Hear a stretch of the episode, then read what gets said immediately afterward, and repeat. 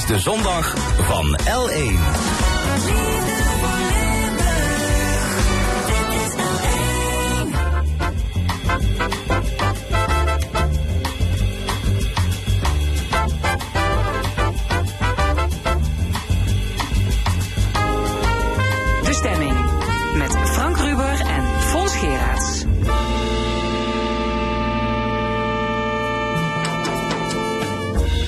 Welkom bij de stemming. Vandaag met de volgende onderwerpen. Vakbonden vrezen massa-ontslag bij VDL Netcar.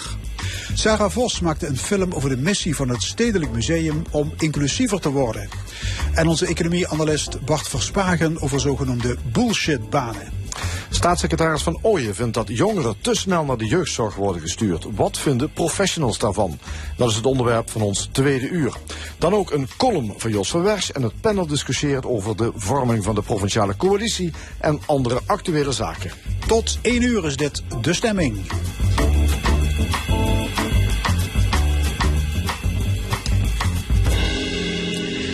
Het is crisis bij VDL Netcar in Born. De 3800 personeelsleden vrezen voor een baan. Opdrachtgever BMW stopt volgend jaar met de productie van de Mini. En het is de directie nog niet gelukt om andere klanten te vinden. Dus hangt het voorbestaan van Nederlands enige autobouwer aan een zijden draadje. Koerst Netcar af op een massa-ontslag of is er nog redding mogelijk? Bij ons Jeroen Bruinsma, bestuurder van CNV Vakmensen. Goedemorgen. Goedemorgen. Hoe is de sfeer op de werkvloer bij Netcar? Ja, eh, de laatste tijd kenmerkt zich natuurlijk vooral bij de medewerkers door een, een grote onrust en uh, onzekerheid.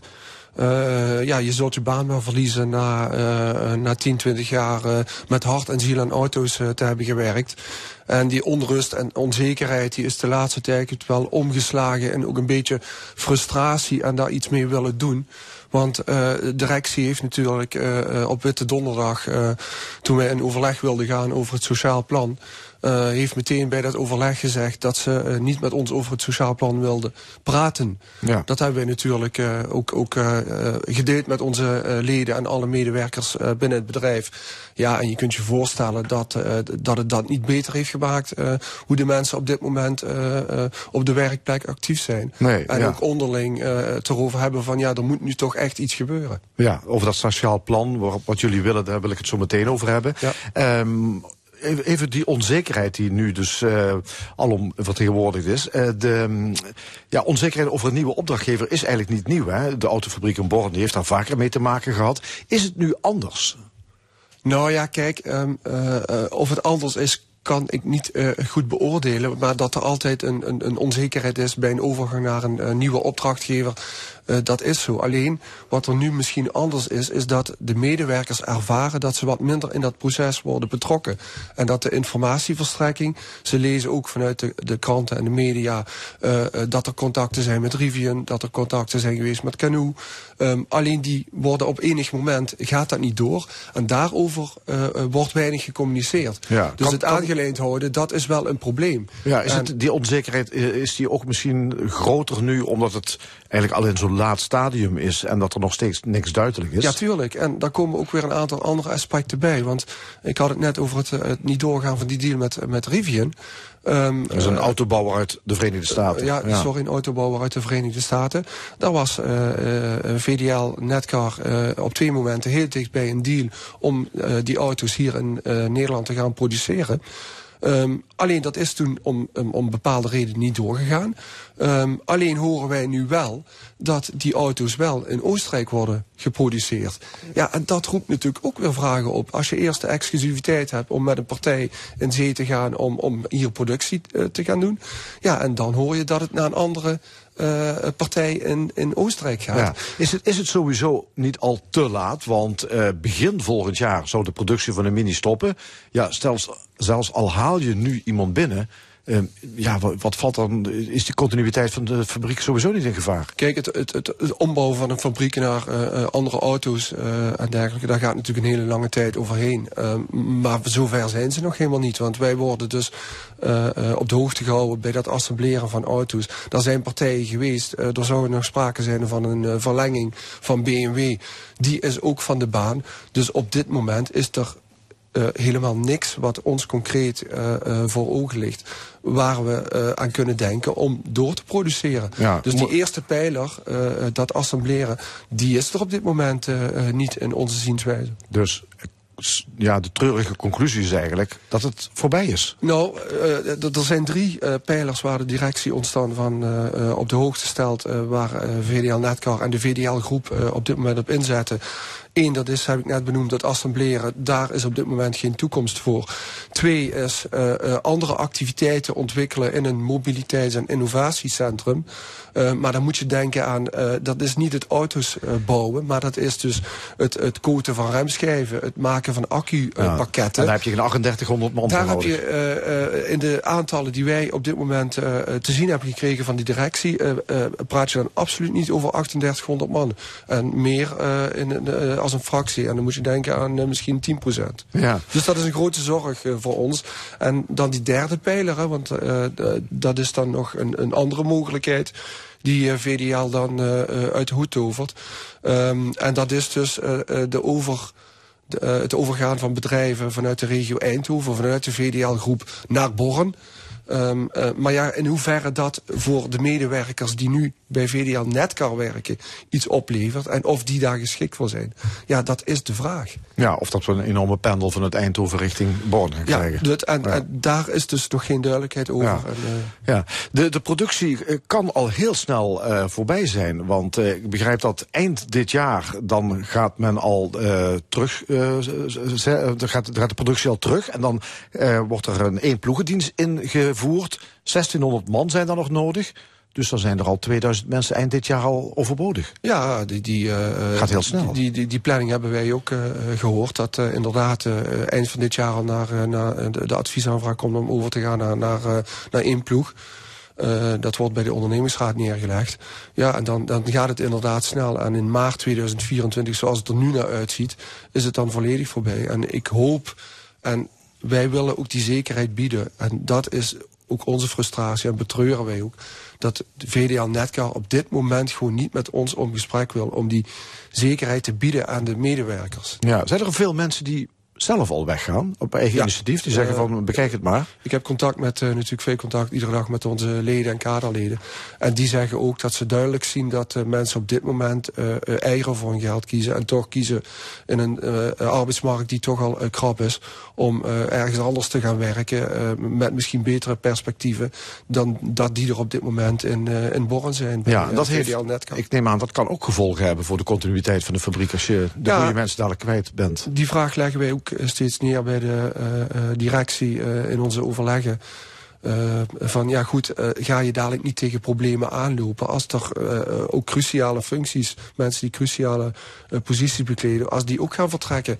Daar was op dit moment volgens de directie nog geen sprake van, maar ik hoor wel dat er ook wel uh, bewegingen op dat front wel plaatsvinden. Ja.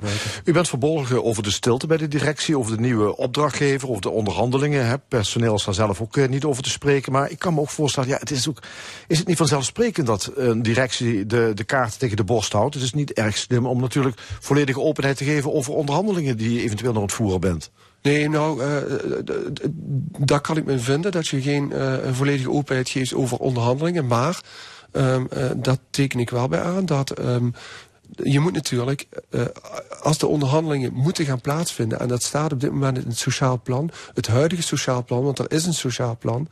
Um, dat geldt nog tot en met maart 2024. Maar daar staat in dat als de continuïteit niet is gewaarborgd... van VDL Netcar... of dat er een situatie is waarbij die continuïteit dan niet is... maar dat er belangrijke arbeidsvoorwaardelijke of andere gevolgen zijn voor het personeel... dat je met elkaar om tafel gaat. Dus wij willen gewoon aan tafel om voor onze medewerkers en voor onze leden te zorgen dat er zekerheid is. Ja, dus, en, en uh, ja, uh, ik, ik wou dat ik iets kon zeggen over de onderhandelingen. Ik begrijp dat dat niet altijd kan. Maar op dit moment zijn we nog niet eens op het punt dat we aan tafel kunnen zitten. Tot onze frustratie. Ja, jullie hebben even aan tafel gezeten, geloof ik 20 minuten? Ja, we zaten een, uh, een kwartier aan tafel op Witte Donderdag. En we gingen in de veronderstelling dat wij inhoudelijk over het sociaal plan konden gaan praten. Um, en we kwamen dus met onze delegatie aan. En toen werd er door de directie een verklaring voorgelezen. Waarin zij zeiden dat uh, ze uh, niet in staat waren om dat moment met ons te gaan praten over de inhoud van het sociaal plan. En daar waren vier redenen voor. Ja, ze waren kwaad op jullie. Hè? Ze waren echt verbolgen over de kritiek die ze van jullie als vakbonden kregen. Uh, dat was een van de punten. Uh, een collega-vakbond. Uh, we trekken overigens gezamenlijk op met alle vakbonden in dit proces. Maar een van de, de, de collega-vakbonden heeft een nieuwsbrief uitgedaan... waarin een term werd gebruikt die de directie niet erg kon waarderen. Ja, welke term was dat? Uh, dat was de term uh, verwijtbaarheid. Ja, dat verwijtbaarheid uh, ging over onderhandelingen met BMW en met Rivian. Dat draaide erom inderdaad dat er signalen zijn dat wellicht VDL of VDL Groep zijn hand heeft overspeeld in bepaalde onderhandelingen door te veel te eisen, waardoor bepaalde uh, ja, trajecten niet door konden gaan. Ja, dus er zouden verwijtbare fouten zijn gemaakt, bijvoorbeeld in de onderhandeling met Rivian, hè, die Amerikaanse autoproducent. Rivian wilde graag komen, wilde misschien de fabriek zelfs wel kopen, had wel 100 miljoen overgemaakt, zodat ze een bevoorrechte positie kregen in de onderhandelingen. Exclusieve onderhandelingen. alleen met, met Rivian onderhandelen. En toen is de directie van VDL naar Amerika gegaan en daar hebben ze blijkbaar hun hand over speeld. Ja, ja, ja nou, nou goed, ja, dat, dat is iets dat kunnen wij natuurlijk als vakbonden niet, niet hard maken. Maar het is natuurlijk vreemd uh, uh, dat je inderdaad uh, naar Amerika gaat om, om een deal te sluiten. En dat dat dan op, op de een of andere manier klapt. Ja, want ze hadden al 100 miljoen overgemaakt. En ja, ja die, die, die, VDL dacht, daar zit meer. Ja, ja, ja, tuurlijk. En dat, dat, is, dat, dat kunnen we niet hard maken. Maar er zijn wel andere signalen die die verwijtbaarheid wel uh, uh, ondersteunen. Ja, bijvoorbeeld in de onderhandelingen met BMW zouden ook wel fouten zijn gemaakt? Uh, ja, dat is hetzelfde verhaal. Um, BMW had al plannen om, om verder te gaan hier met de productie. Um, ja, nu zijn er wat um, problemen geweest in, in Duitsland zelf, omdat ze capaciteitsproblemen hadden. Um, uh, daar wordt nu een dienst daaraan uh, toegevoegd, zodat daar de productie ja. wel kan worden Re Regensborg wordt gewoon meer minis geproduceerd. Ja, ja, ja. Terwijl, dat, terwijl de bedoeling was om die ook in Born te produceren. Ja, wat betreft Rivian zegt de directie van Netcar... dat heeft helemaal niks te maken met ons bod. Het heeft alles te maken met uh, de Amerikaanse uh, wetgeving. Er is een inflatiereductiewet ingevoerd ja. in de Verenigde Staten. En Rivian heeft er gewoon voor gekozen om in Amerika auto's te gaan bouwen. Dat hebben wij ook gehoord. En, en dat weten wij natuurlijk ook. Dat uh, de, de Biden-regering een, een, subsidie heeft uh, beschikbaar gesteld... voor autobouwers die in hun eigen land auto's gaan bouwen. Dat zal ongetwijfeld meer hebben gespeeld. Maar naar onze mening is dat niet het enige aspect wat, wat speelt. dus nog even terug te komen op die verwijtbaarheid. Um, we hebben daar toen wel nog over gesproken. En we hebben als vakbonden ook wel aangegeven, gezamenlijk, dat wij wel achter staan wat daar, uh, wat er is uh, geschreven. Ja, u, dat, u, vindt dat die verwijtbaarheid, dat, dat, dus dat, dat argument, dat vindt u valide. Ja. De, de, directie van de VDL is daar niet over te spreken. Die zegt, we willen dat u het eerst rectificeert, dan gaan we pas onderhandelen. Het is de, dat is inderdaad, maar dat is gericht dus aan mijn collega, omdat ja. hij er de papieren gaat, gaat, gaat, hij rectificeren? Ik neem aan, jullie hebben het erover. daar hebben we het over. En zover ik van hem heb begrepen, is hij niet voornemens om die term terug te nemen. Ja, dan, dan zijn er dus geen onderhandelingen. hij heeft daar ook uh, uh, duidelijke uh, bewijzen voor. Dus ja, goed, ik kan daar niet in treden. Ik, dat ik mijn bedenkingen ook heb en misschien anders zou opschrijven is iets anders. Maar ik, ik, ik ondersteun wel dat, dat hij dit handhaaft. En we staan als, als, als één gezamenlijke partij daarin. Dus. Ja, dat is een behoorlijke padstelling. Hè? Wie zou het kunnen doorbreken? Zou ja, het vanuit de politiek iemand... We hebben pamfletten uitgeleed woensdag uh, bij, de, bij de fabrieken in Borren. Uh, en in dat pamflet, stond dat wij deze situatie enorm betreuren. Dat we, dat we de zekerheid willen voor, voor de medewerkers. En wat ons betreft staat die deur nog altijd open. Hij is door de directie voor onze neus dichtgegooid. Wij staan open om tenzij als dat moet morgen of overmorgen meteen aan tafel te gaan. En als daar een externe partij voor nodig is, staan we daar ook voor open. Maar wij willen graag heel snel aan tafel om te praten over het sociaal plan. Ja, de SP en Provinciale Staten die heeft in elk geval gezegd dat uh, de provincie samen met het Rijk uh, in actie zou moeten komen om een nieuwe autobouwer te vinden. Um, ja, is dit inderdaad de fase waarin Netcar chefzagger zou moeten worden? Uh, hoe bedoelt u dat? Ja, dat in Den Haag. We moeten... Ja, nou ja, goed. Die, uh, kijk, onze leden maken zich ook zorgen. En die hebben ook lijntjes gelegd met, met onze voorzitter. En ik heb ook het beroep gedaan, ook bij onze voorzitter. Van ja, ga je lijntjes inderdaad ook maar proberen uit te zetten op een wat hoger niveau in Den Haag of bij de provincie. want we moeten op dit moment alles in het werk stellen om alle mogelijkheden te benutten. Om toch nog te kijken of er mogelijkheden zijn voor die 3800 man. Ja, ja, er zijn wel meer bedrijven die in de problemen zijn of nog gaan komen. Waarom zo'n netcar, zo'n bevoorrechte positie moeten krijgen in Den Haag? Nou ja, goed, het gaat om, uh, om 3800 man. Uh, uh, maar dat is niet het enige. We hebben zaterdag ook in de krant kunnen lezen dat een ander bedrijf ook al in februari moet stoppen. Ja, IAC, ja, dat is een toeleverancier, toeleverancier van, van VDL Netcar. En, en het zijn natuurlijk, het, het, zijn niet alleen die mensen, maar het is een, het is een meer, meer grotere omvang dan we op dit moment kunnen voorzien. Het zijn ook de bakkers en slagers die leveren aan VDL Netcar. En dus, dus van een heel klein uh, gemeentelijk niveau naar uh, een hoger niveau. En ik denk dat de overheid ook best wat in het werk wil stellen om, om zo'n mooi stuk industrie in Nederland te willen behouden. Ja, het heeft wel een, een groter effect dan alleen die 3800 mensen. dus als dit gaat gebeuren. Ja, ja, ja. De, ja er, ligt nog veel meer. Hè? De, de, de hele infrastructuur rondom het bedrijf zou op de schop moeten gaan. 100 miljoen, de helft ongeveer geld van de provincie en van het Rijk.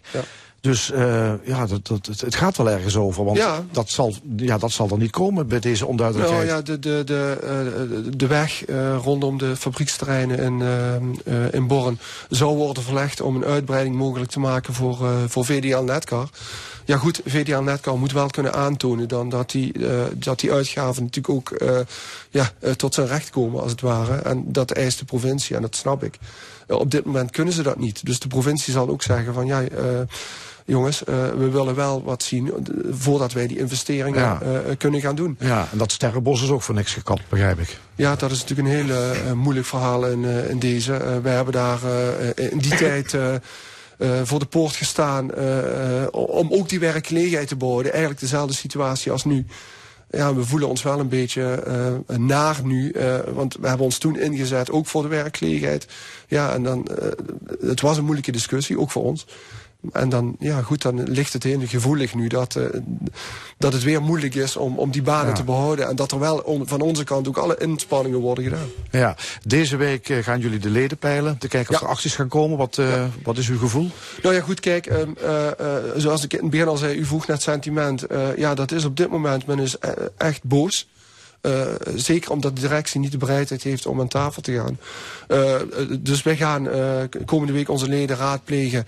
Um, dat zal uitgebreid gaan gebeuren. Ja, en dan zullen we kijken. we hebben ook onze eigen trajecten. En ja, je kunt, we zullen de leden op de hoogte houden. we zullen misschien vergaderingen gaan houden.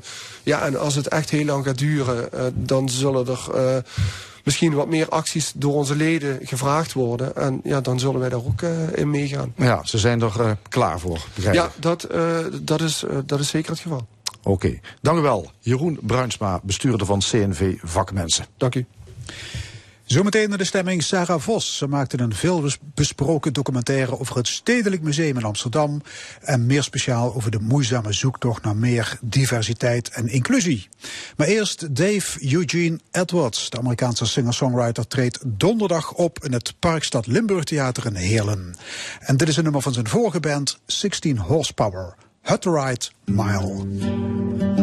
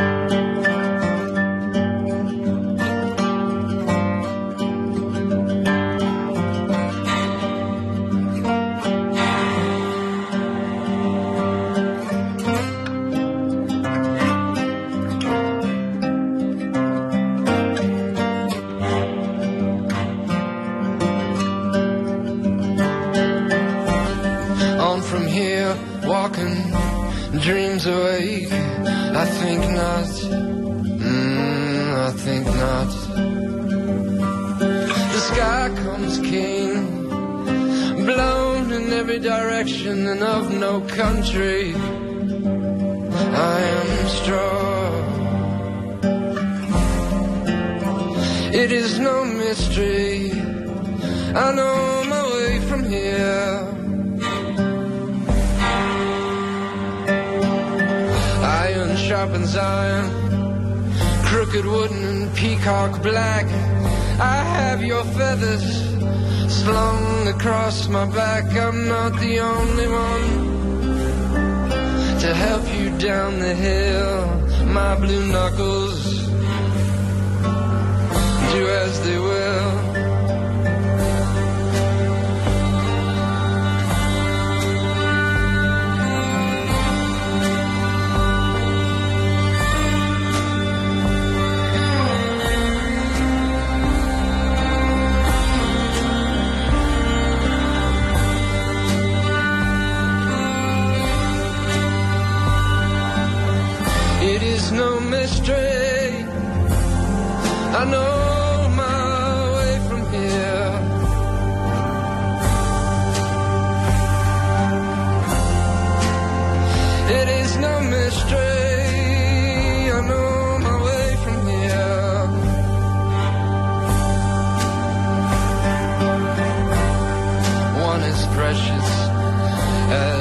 They go with me.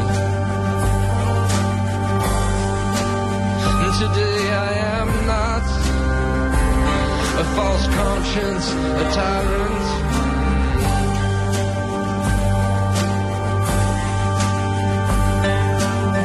Angels line my pockets, dear. I walk a hundred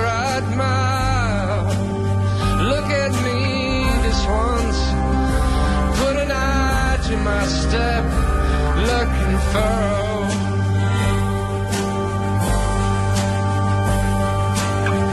It's only misery.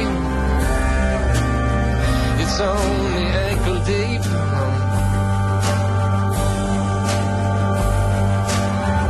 It is no mystery.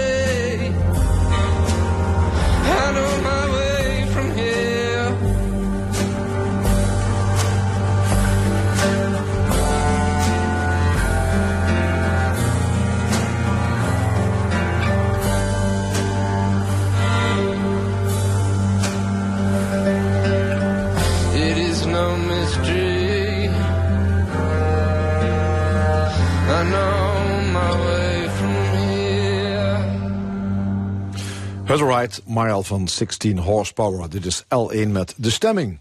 Het Stedelijk Museum in Amsterdam is een wit museum. De top vindt dat daar veranderingen moet komen. Het Museum voor Moderne Kunst wil meer kleur en meer vrouwen. En dat moeizame veranderingsproces is gevolgd door filmmaakster Sarah Vos. Het resultaat is de documentaire White Balls on Walls. Een film die veel stof doet opwaaien. Onze volgende gast is de uit Maastricht afkomstige Sarah Vos. Sarah, welkom. Hoi. Heeft het je veel moeite gekost om eh, toestemming te krijgen?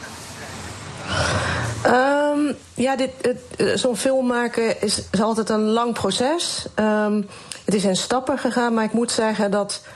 eh, ik, ik hoorde de naam van, de, die, van de, degene die de nieuwe directeur zou worden in 2019, Rijn Wolfs. En ik heb hem opgezocht en een lang gesprek met hem gehad. Hij gaf meteen aan: ons museum is wit in de collectie, in het managementteam. En daar wil ik verandering in aanbrengen. Toen heb ik ook meteen gezegd, dat wil ik.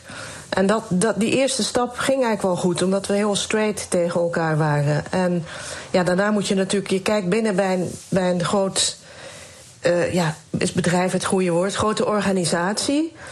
En daar moet je natuurlijk iedereen meekrijgen. En dat, dat is een proces van drie jaar geweest. Ja. Die hele eh, transformatie, zal ik maar zeggen, van het stedelijk was ook een heftig proces. Veel moeilijke vergaderingen. Wel dapper om dat te laten filmen. Per slot van rekening, wat hebben ze erbij te winnen?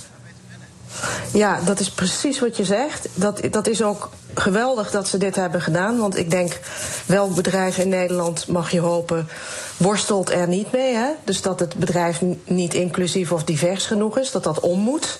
Heel moeilijk proces.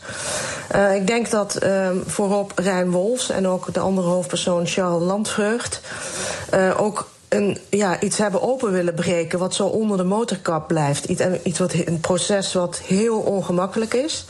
En juist door het zo open en eerlijk te laten zien.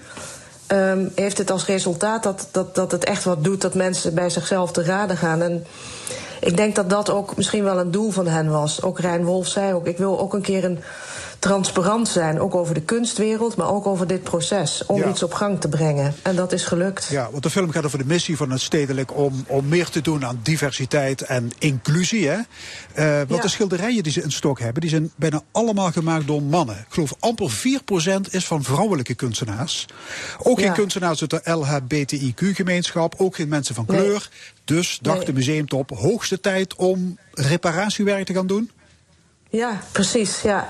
Nee, dat, ik moet ook zeggen, daar was ik zelf ook wel uh, de, door van mijn stoel geblazen hoor. Dat was de allereerste draaidag. Dat was die eerste vergadering waarin uh, vergaderd werd over het nieuwe vierjaren kunstenplan. En daar hangt echt een miljoenenbudget aan vast. Dus dat is niet iets kleins, was dat. Of is dat. En daar was het ook een eis in. Plus het museum zelf wilde intrinsiek ook dat omgooien omdat inderdaad wat je zegt, die, die, die, die, die kunstcollectie, ja, daar zat, dat was grotendeels witte mannenwerk. Ja, de white gaze, hè, de witte blik, kleurenblindheid. Ja. En daar moest eigenlijk korte metten mee worden gemaakt. Directeur Wolfs die zegt in de film, schuldbewust... Ik heb alleen maar tentoonstellingen met witte mannen gemaakt. Ik ben een systemisch racist. Het is af en toe pure uh, psychoanalyse. Ja, hij zegt trouwens niet ik ben een uh, systemisch racist. Hij zegt sommige mensen noemen dat systemisch racisme. En daar kan ik me wel iets bij voorstellen. Ja, dat zegt hij letterlijk. Ongeveer hetzelfde, ja. Ja, maar ik vind het wel belangrijk dat dat goed gezegd weet je, want voor je het ja. weet. Uh, nee, maar oké, okay, maar die Wolf dus... is natuurlijk geen racist. Maar, de, nee, de, de, maar Wolfs... tot voor kort was de kanon voor elke museumdirecteur en conservator natuurlijk heilig. En die is hagelwit. En iedereen is in dat systeem opgegroeid. Precies, precies wat je zegt. En dat, kijk, dat is heel moeilijk om daar een stap van terug te zetten. Ik weet niet hoe het bijvoorbeeld bij L1 is, of bij jullie, bij het Monumentenmuseum, of uh, hoe, hè, hoe, zijn, hoe is daar de samenstelling? En op de collectie, collectioneel gebied, zeg maar. Um, of dat ook bij jullie een, een, een, punt is wat speelt. Is het, is het iets wat bijvoorbeeld bij L1 Ja, ook, dat uh... heeft ook gespeeld, absoluut. En ja. dit is ook een tamelijk witte organisatie, net als het Bonaventenmuseum, klopt? Ja, en Bonafante, de directie, komt dinsdag ook in Lumière... Hè, samen ja. met Rijn Wolfs Ja. en Charles Landvreugd bij de vertoning. Dus dat kan nog interessant worden. Ja.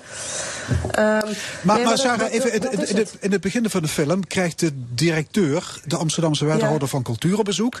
En die zegt dan dat het afgelopen moet zijn met de dominantie van witte mannen. Want anders zitten daar consequenties aan vast. Dat, dat gaat wel ver. Dat, dat riekt naar chantage. Eh, ja, ervaar jij dat zo? Ja. Ja. Want als Ik, jullie dit en ehm, dat niet doen, ja, we gaan niet zo ver als het museum in New York. Daar wordt meteen 10% van de subsidie ingehouden. Maar Ja. ik vind dat dat Ja, nogal eh, ver gaat. Die bemoeienis van de lokale overheid. Ja, alleen ik denk je moet je wel ook afvragen van, um, hè, want we zaten toen in uh, 2000, toen we begonnen in 2019. En zeg maar getalenteerde mensen als een Charles Landvreugd, Vincent van Velzen, Remy Jongeman, de schilder, die de, of schilder is een kunstenaar die. Dat, dat niet, gewoon echt mensen van kaliber stonden nog aan de buitenkant Ja. in 2019. En waarom is dat? Want die, hebben allemaal, die zijn allemaal, hebben ze eigenlijk al. Sommigen hadden zelfs al meer carrière gemaakt in het buitenland dan hier. En dan kan je je gaan afvragen van. Nou ja, kan, het- kan het niet zo zijn? Hè? Misschien is het ook wel nodig. Hè? Dat, dat, er, dat er maatregelen genomen worden, dat er in quota gedacht moet gaan worden. Anders heb je kans, moet je je afvragen, gebeurt er anders wel Ja. iets? Maar je film heeft behoorlijk wat, kijkt- wat reuring veroorzaakt, hè? Ik heb, ik Ja, weet niet veel, hoeveel ja, ja. ingezonden brieven en opiniestukken gelezen van kunstenaars, van journalisten, museumdirecteuren. Je hebt een gevoelige snaar geraakt. Ja, totaal. Die film is echt een totale rollercoaster geworden op dat gebied. Het is echt sowieso iedereen die hem ziet zegt al: het is een een, een rollercoaster om te zien hoe zich dat dan. Omdat je in dat proces kijkt. Hè, let op, het is niet achteraf een soort sociaal welgevallig uh, interviewtje. Je kijkt, je ziet iedereen in zijn kwetsbaarheid ook gewoon soms op de bek gaan, om het maar even heel plat Ja. te zeggen. Maar ehm, ja, dat, natuurlijk was het een schokgolf. Omdat dit, eh, kijk, het stedelijk is, staat niet alleen. Dit, dit is, dit is Nederland, dit is de culturele sector. Maar we hebben bijvoorbeeld ook een eh, vertoning gehad... die had de nationale politie aangevraagd omdat dat ook binnen hun organisatie speelt. Zat de hele zaal vol met eh, politieagenten. Ja. Maar in de reacties En- kwam ik termen tegen als fatsoensrakkers, scherpslijpers, moraalridders, politbureau. Het stedelijk laat zich ringeloren door de woke-beweging. Eh, zijn Ja. het vooral de 50-plussers die moeite hebben met die omschakeling? Ja, ik, dat weet ik niet helemaal. Ehm, maar ik moet ook zeggen dat, dat dat is zeker niet de enige reactie geweest. Want het heeft ook echt heel veel. Het doet ook veel bij vertoningen. Maar inderdaad, die reacties zijn er ook. Dat zou best wel kunnen dat dat een bepaald eh, type schrijver is die eigenlijk zich misschien bedreigd voelt in zijn, eh, in zijn biotoop of zijn voortbestaan. Of nogal vastgeroest zit van dit is het. En ik denk dat die heftige reacties dus des te meer bewijzen van... ja, daar moet dus iets gebeuren. Weet je, dat, dat moet opengebroken worden. Het is niet meer representatief, eh, de, die wereld, zeg maar. Maar, in- maar de film zie je dat artistiek directeur Wolfs af en toe niet goed uit zijn woorden komt. Omdat hij bang is om, om de verkeerde termen te gebruiken. Je, je Ja. voelt de verkramping. Het is ook af en toe komisch daardoor. Ja, nee, daar hebben we, we wilden trouwens even op het einde inhaken. We vonden het heel belangrijk. We hebben met een fantastische editor, Gies Zevenbergen, gewerkt. En die, we wilden er ook een soort opera-achtige stijl. Zodat het ook. Het is om te lachen en te huilen. Ja. En, en beklemmend en, en benauwend en ongemakkelijk. Ongemak staat op nummer één. Dat hebben we bewust zo gedaan. Want anders kon je het niet meer eh, behappen, zou ik maar zeggen. Ja. En het heeft ook al die facetten in zich. We wilden ook niet een kunstfilm maken, maar meer een. Hoe zeg je dat? Eh, je kijkt in zo'n eh, veranderingsproces Ja. naar binnen. Er wordt ook vergaderd Maar, over het eh, taalgebruik van het. Ja, er wordt ook- taalgebruik. ja, want er moet Ja. inclusiever worden geformuleerd. Woorden Ja. als zigeuner, inboorling, neger, prostituee, die moeten worden geschrapt. Heb, heb je daar zelf een mening over? Ehm, nou, ik denk dat, mm, dat het woord heel eh, krachtig middel is. Dus het lijkt me niet, verstand, eh, niet onverstandig om daar ja, goed naar te kijken. Weet je. Alleen, ik weet niet zeker. Dat, dat, ja, moet je ze dan schrappen? Of moet je juist zetten van wij gebruikten dat toen, die woorden, omdat we in zo'n omstandigheid zaten? Dat, dat vind ik een. Ja, dat moet je wikken en wegen wanneer, het, wanneer je wat Ja, moet doen. Want een schilderij uit de ik denk 19e dat het- eeuw dat prostituees heet. Ja, moet je die tiende- Ja. titel nu veranderen in sekswerkers? Dat is toch een beetje raar. Ja, ja, ja dat, dat, ik vind dat een hele. Ik vind dat complex. Ik kan daar niet meteen over zeggen van hoe het moet. Ehm, ik ben zelf natuurlijk ook een regisseur. Ik ben niet een, een curator in een museum die dat soort beslissingen moet nemen. Eh, als het bij mij bij films gevraagd zou worden, zou ik eerder zeggen: geef dan context, zeg maar. Dat je. Ja, dat je, zodat je ook laat zien wat ons, hoe wij erover dachten, wat ons aandeel was. Vind ik ook sterk. Maar het is ook eens goed om eraan te tornen, misschien. Ik, dat vind ik lastig. Ja, maar een stap Ehm, verder en de kunstwerken zelf worden gecanceld. Hè, Picasso bijvoorbeeld, die ligt nu onder, onder het vergrootglas. Maar die expressionisten leefden natuurlijk in een andere tijd, hè? Moet je dan Ja. anno 2023 een, een beeldenstorm ontketenen? ja, goede vraag. Dat weet ik niet. Wat vind jij? Nee, nou ja, weet ik ook niet. Ik denk van niet. Hey, maar Nee. terug, terug naar de dominantie van witte mannen, hè, die nu worden aangepakt. Eh, het tegenargument is altijd: het gaat niet om gender, om kleur, om afkomst. Er telt maar één ding en dat is de kwaliteit van kunstwerken. Ja. Ja. Wat, wat zeg jij dan? Ja, die, daar heb ik ook heel lang over. Dat zijn van die dingen die kan ik niet per in, in een seconde beantwoorden. Ik ben nu drieënhalf jaar verder. Ehm, ik, ik heb daar meerdere gedachten over. Eh, een van de belangrijke is, dus waar we het net al over hadden gehad, hoe komt het hè, dat toen wij begonnen in 2019 nog mensen die wel degelijk van hoge kwaliteit, hoge opleiding, eh, eh, nog altijd erbuiten stonden. Hoe kan dat? Hè, dus die hadden die kwaliteit, maar die zaten er niet bij. Dus dan kan je wel zeggen, ja, maar het gaat alleen om de kwaliteit. Maar dat blijkbaar niet alleen, ging het daar niet alleen om, want die mensen stonden nog buiten. Ja, en je- vrouwen. je kunt zeggen, de Hoeveel- kanon hoeveel gaat- vrouwen zijn er niet geweest? Wat zeg je? Ja, ik wil zeggen, de kanon gaat niet verder dan Europa en Noord-Amerika. De rest van Ja. de wereld is eigenlijk nooit in beeld geweest. Of kreeg en wie het bepaalt stempel. die kwaliteit, hè? Wie Ja, bepaalt die kwaliteit? dat. Dat. zijn weer die witte mannen geweest. Dus ja, de, eh, vrouwelijke, er komen nu kunstenaressen die eh, eh, opeens ontdekt worden nadat ze vlak nadat Mhm. ze dood zijn of op hun negentigste. Zie je die werken, de volgen de kranten, dan, dan ben je flabbergasted. Wat een, wat een mooi werk. Wat zich totaal kan meten met wat er altijd hing in die musea. Maar die werden genegeerd. Dus die opmerking van het gaat alleen om de kwaliteit, gaat die dan nog op? Sarah, het mooie van de film is dat je als kijker zelf je conclusies kunt trekken. En je stelt af en toe Ja. een vraag als, als interviewer. Maar je hoort Ja. geen voice-over, geen commentaarstem. Dat heb je bewust achterwege gelaten.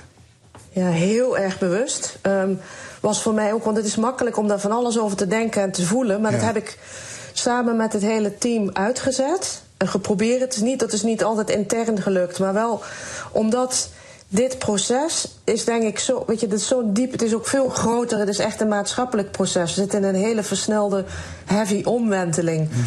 En als ik er van alles over was gaan zeggen, of met mijn team, dan had ik het voor jullie allemaal bedacht. En dan had ik de pas afgesneden nadat je er zelf iets mee kan gaan doen of je toeverhouden. Je mag er kwaad over zijn. Je mag denken, hé, hey, dit is nuttig.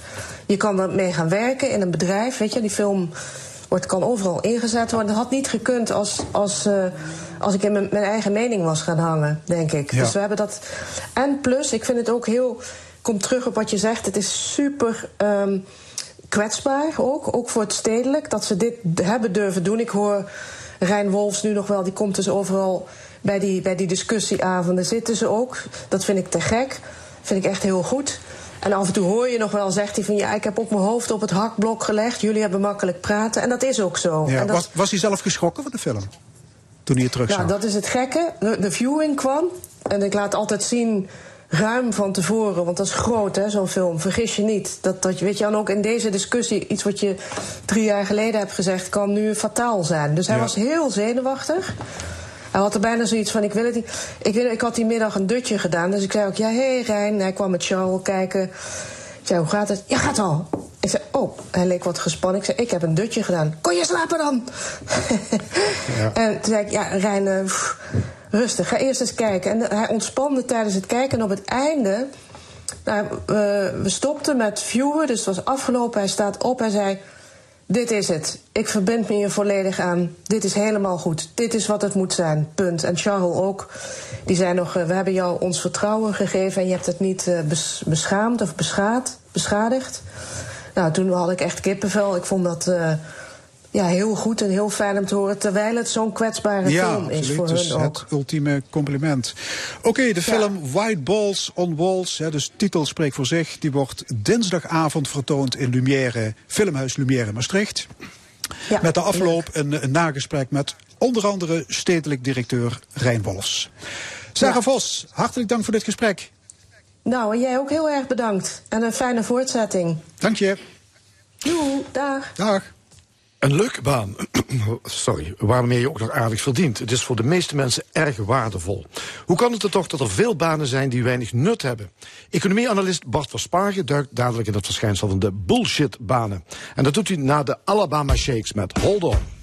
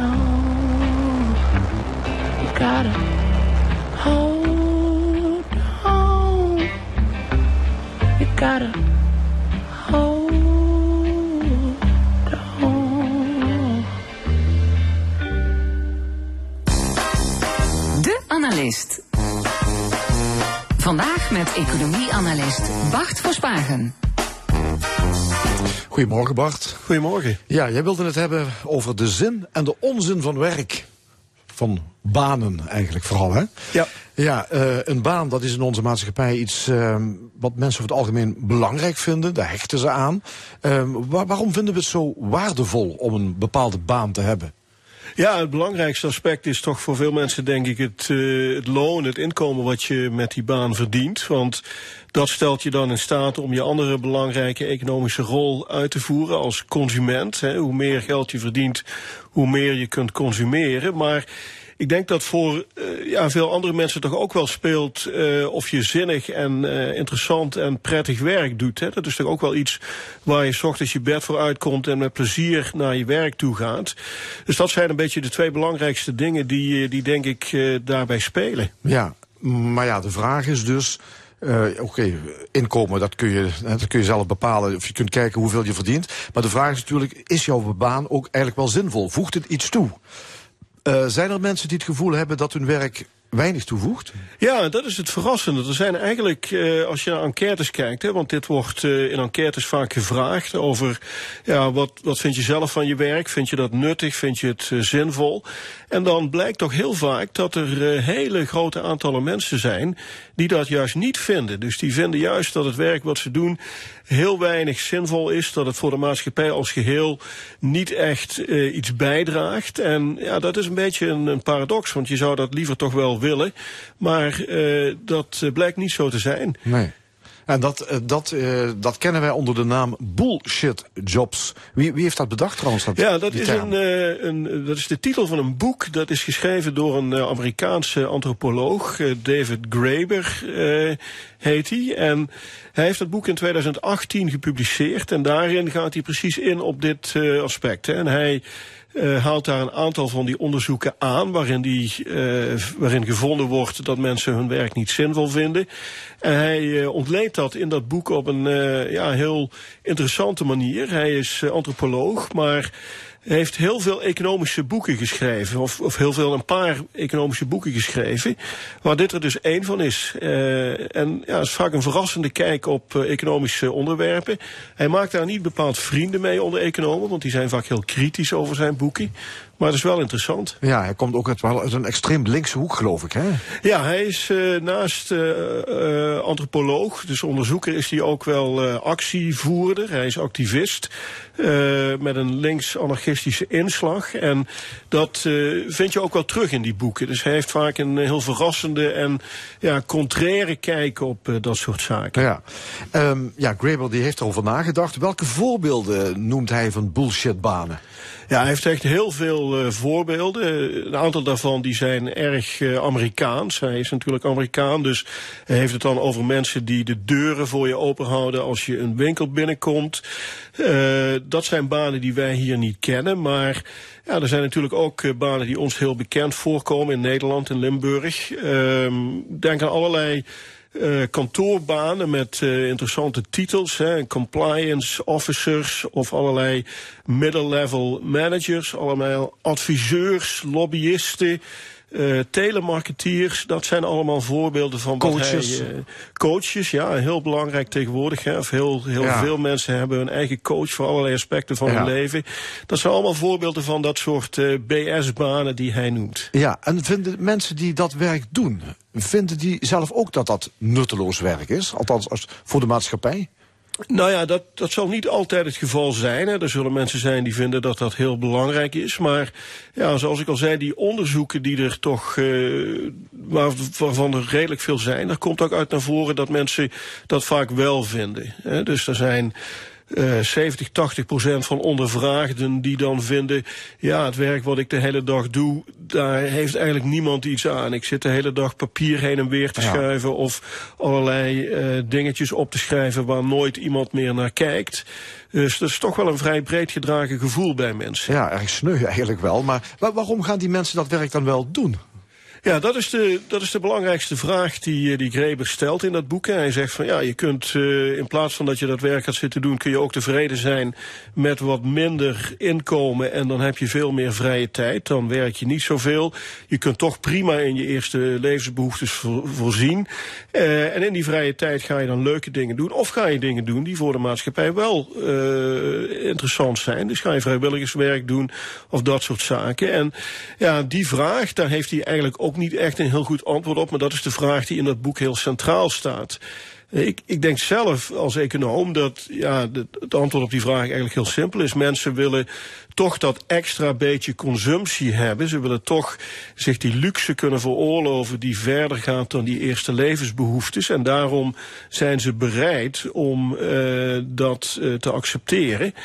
En ja, daar komt ook nog bij dat uh, die, die visie van, uh, van Greber is natuurlijk ja, wel vrij apart. Hij is iemand die het hebben van zo'n bullshit job, dat zou hij denigrerend vinden. Daar zou hij nooit vrede mee kunnen hebben. Hij wil iets zinvols doen. Maar voor heel veel mensen is dat veel makkelijker te accepteren dat je iets doet wat uh, niet zo zinvol is. Uh, en bovendien. Ja, die bullshitbanen die bieden toch ook wel bepaalde buitenkantjes, bepaalde voordelen. Het zijn vaak banen die je in een mooi pak doet met een mooie stropdas of een mantelpakje. Je krijgt een, een, auto van de zaak en je kunt de hele dag een beetje zitten netwerken, waarbij je met vrienden en collega's uh, wat zit te praten en ja, je verder niet zo heel erg hoeft in te spannen. Ja, het, het geeft enige status en ook nog een mooi salaris. Precies, en uh, dat zijn belangrijke dingen. Bovendien als je kijkt naar banen die wel uh, dat maatschappelijke nut hebben, ja, dat zijn toch vaak inspannende zaken. Als je als leraar de hele dag voor de klas staat of als je uh, de glasvezelkabel aanlegt uh, met, met de schop in de hand. Ja, dan kom je aan het einde van de dag toch emotioneel en fysiek vaak uh, erg moe thuis. En ja, dat is toch ook wel een, een, ja, een negatief aspect van, van dat soort banen. Ja, wat ik niet begrijp, dat is toch een economische wet. De, onze economie is gericht op groei, op geld verdienen. Uh, waarom blijven dan banen in stand, die bullshitbanen dus, die eigenlijk niks toevoegen economisch? Hoe kan dat? Ja, dat, dat, is, uh, dat is de interessante vraag die Greber eigenlijk heeft opgeworpen. En ik denk dat dat is een, een voorbeeld van hoe hij als een niet-econoom de juiste vragen stelt. De vraag die jij nu ook stelt, ook als, als niet-econoom. Want die leerboeken die wij uh, hebben in de economie, die zeggen ja, dit, dat systeem van ons, dat economische systeem met zijn vrije markten en af en toe een beetje overheidssturing, dat is erop gericht om alles zo efficiënt mogelijk te maken. En ja, dat is hier duidelijk niet het geval, want je verspilt eigenlijk een heleboel nuttige werkuren die je op een veel betere manier zou kunnen inzetten. En ik denk dat uh, deze discussie, het boek van Greber, ook aantonen dat ja, die, uh, die economische systemen toch een beetje anders werken. Hè. Die zorgen er ook vaak voor dat die, die buitenkansjes van die bullshitbaan, die buitenkansjes van dat mooie pak, die mooie auto, die status, die glamour die eraan zit, ja, dat is iets wat mensen willen verzilveren. En dat economische systeem geeft de kans daarvoor en zorgt ervoor dat dat ook gebeurt. Uh, en dat is iets waar we als economen denk ik goed over moeten nadenken. Wat ons dat vertelt over de theorieën en de systemen die wij uh, met z'n allen zo graag zouden zien. En dat, dat vind ik de grote verdienste van, van Greber. Ja, de, de vraag is ook natuurlijk ja, bullshitbanen. Um, ja, als iemand dat dan doet, dan is dat zo. Maar kan, is het ook schadelijk voor onze maatschappij dat die banen er zijn? Ja, het is aan de ene kant uh, natuurlijk op zich al schadelijk dat uh, een heleboel activiteiten die je graag zou zien dat die uh, niet zo goed mogelijk zijn omdat je personeelstekorten hebt. Kijk, we hebben geen leraren, we hebben geen ja, zorgpersoneel. Geen, precies, ja. maar we hebben wel... Compliance officers. Precies, en het is niet moeilijk om een, een mindset coach te vinden. Die heb je zo gevonden op, op internet. dus dat is het, hetgene wat al schadelijk is. Plus dat erbij komt dat ja, een aantal van die bullshit jobs, die zijn toch ook wel, uh, behalve dat ze niet nuttig zijn, gewoon schadelijk. Ik denk aan de activiteiten van veel lobbyisten die beleid weten om te buigen in een manier die voor hun sector wel goed is, maar voor de maatschappij als geheel zeker niet. Uh, en dat is dan de, de echt negatieve kant daarvan. Oké, wie er meer over wil lezen, dus dat boek van Graeber, weet je uit je hoofd de titel? Bullshit Jobs, dat is de titel. Dat is heel uh, makkelijk te onthouden. Ja. Dankjewel, Bart Verspagen, hoogleraar Economie aan de Universiteit Maastricht. Dat is geen bullshitbaan, hè? Nee, ik denk het niet. Goed, we gaan naar uh, muziek. Ray Charles, I've Got a Woman. I got a woman way over town that's good to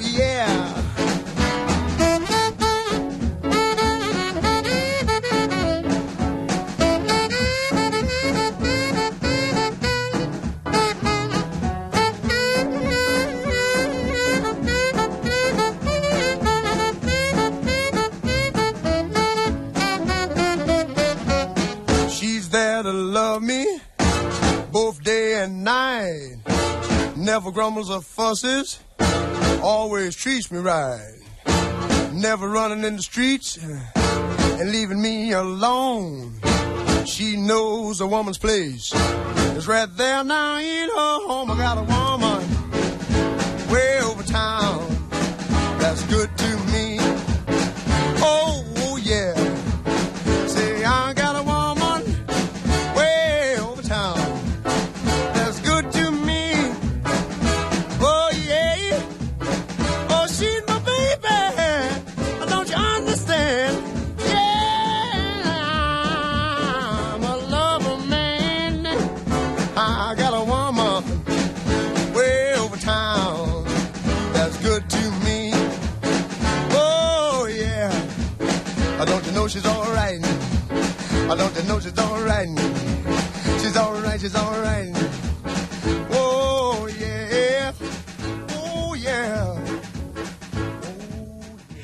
Straks in de stemming aandacht voor de groei van het aantal jongeren met mentale problemen. Lopen ze te snel naar de dokter?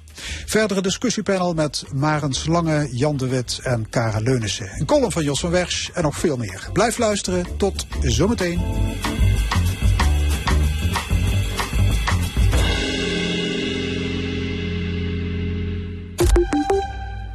De zomer komt eraan. Coaching, maagballon, medicatie, bodyshaping. Samen kijken we wat jij nodig hebt om een gezond gewicht te bereiken. Nok Clinics helpt. Wacht niet langer en plan vandaag je gratis intake op nokclinics.nl. hey jij, open je ogen. Voor de meest energie-efficiënte elektrische auto in zijn klasse.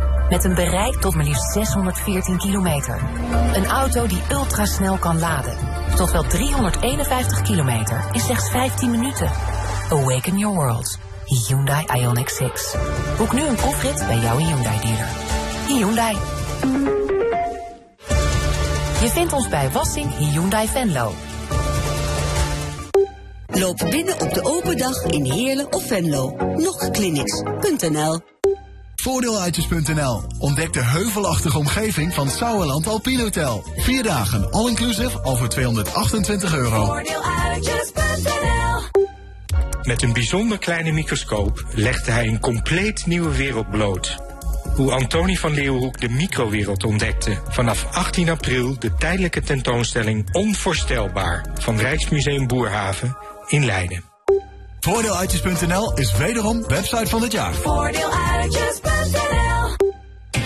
in Weert. 7, 8 en 9 juli. Met Simply Red, Sugaro, Porcupine Tree, and Bone Man, Live, Joe Bonamassa, Nile Rodgers and Chic, Clouseau, Direct en nog veel meer. Ga voor info en tickets naar bospop.nl.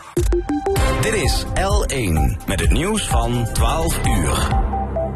Katrien Straatman met het NOS-journaal. Bij Russische beschietingen in de Zuid-Oekraïnse stad Mykolaiv zijn twee mensen om het leven gekomen. Ook in Zaporizhia waren er vannacht beschietingen. Daar raakte ook een kerk beschadigd, waardoor de dienst voor orthodox Pasen niet door kon gaan. President Zelensky zei in zijn paasboodschap dat de oorlog de tradities en feestdagen niet kan uitwissen. Vandaag zou er in Oekraïne ook weer een gevangenruil zijn geweest. 130 Oekraïners zijn door de Russen vrijgelaten en kunnen naar huis. Onduidelijk is hoeveel Russen er zijn vrijgelaten. Voor de tweede dag op rij wordt er in Soudaan zwaar gevochten tussen het leger en de RPF, een paramilitaire eenheid binnen het leger. Door het geweld zijn al zeker 56 burgers omgekomen en vele honderden gewond geraakt. Vooral om de controle van de hoofdstad Khartoum woedt een hevige strijd. De RPF zegt belangrijke militaire en civiele installaties te hebben ingenomen en gisteren al het presidentieel paleis, maar de autoriteiten ontkennen dit. Inwoners van Khartoum hebben zich verscholen voor het geweld. Op bevel van de autoriteiten is in het hele land het internet platgelegd. Vanwege de Rotterdam Marathon zijn afgelopen nacht ruim 130 foutparkeerders weggesleept. Op de route waren parkeerverboden ingesteld en overal stonden borden. Toch zetten tientallen mensen daar hun auto neer. Een bergingsbedrijf heeft alle auto's naar een parkeerterrein in Rijswijk gesleept. Wie zijn auto daar komt ophalen moet 169 euro boete betalen. Een groot deel van India heeft op tv kunnen zien hoe een oud-politicus samen met zijn broer werd doodgeschoten. Het gebeurde terwijl hij onder politiebegeleiding onderweg was naar een ziekenhuis voor een controle. De oud-politicus zit vast op verdenking van moord. Iemand die zich voordeed als journalist loste de schoten. Het weer bewolkt met in het westen ook nu en dan lichte regen. Vanuit het noordoosten komt de zon er vaker bij, maar er kan hier en daar ook een buitje vallen bij een graad of 14. Morgen periode met zon en lokaal een bui bij ongeveer dezelfde temperatuur. Dit was het NOS Journaal. Een nieuwe badkamer, tegels of sanitair? Vasen Tegels en Sanitair zal u verrassen met talloze ideeën. Ook voor alle renovatie- en bouwwerkzaamheden is Vasen in Urmond uw partner. Kijk op vasen-tegelwerken.nl. Gelegen aan de rand van het dorpje Eigelshoven ligt natuurbegraafplaats Eigelshof. Een plek voor eeuwigdurende rust waar de natuur voorop staat. Natuurbegraafplaats Eigelshof. Een bijzondere gedenkplek met een prachtig uitzicht over het omliggende heuvellandschap. Bezoek ons gebied tijdens een persoonlijke rondleiding of kijk op eigelshof.nl. Als we ziek zijn, zijn we dat allemaal op onze eigen manier. Je hebt bankhangers, bedgangers, overgevers en overlevers. Met 345 apotheken en benu.nl zijn we altijd dichtbij. Voor iedereen. Benu. Ieder mens, andere zorg. Ontdek Preston Palace, het leukste all-in resort van Nederland. Met zwemparadijs, kermis, bioscoop en meer. Boek jouw all-in deal op prestonpalace.nl. Haal uw medicijnen wanneer het u uitkomt met de Benu afhaalautomaat. Kijk op benu.nl. Nu extra veel voordeel, want alleen deze week in de actie citroenen of limoenen net 1 euro. Senseo koffiepads 2 voor 8 euro. En kipkrokant schnitzels of slavinken, schaal 2 stuks 1 euro. Jumbo, dat is leuk boodschappen doen, ook online. Dit is de zondag van L1.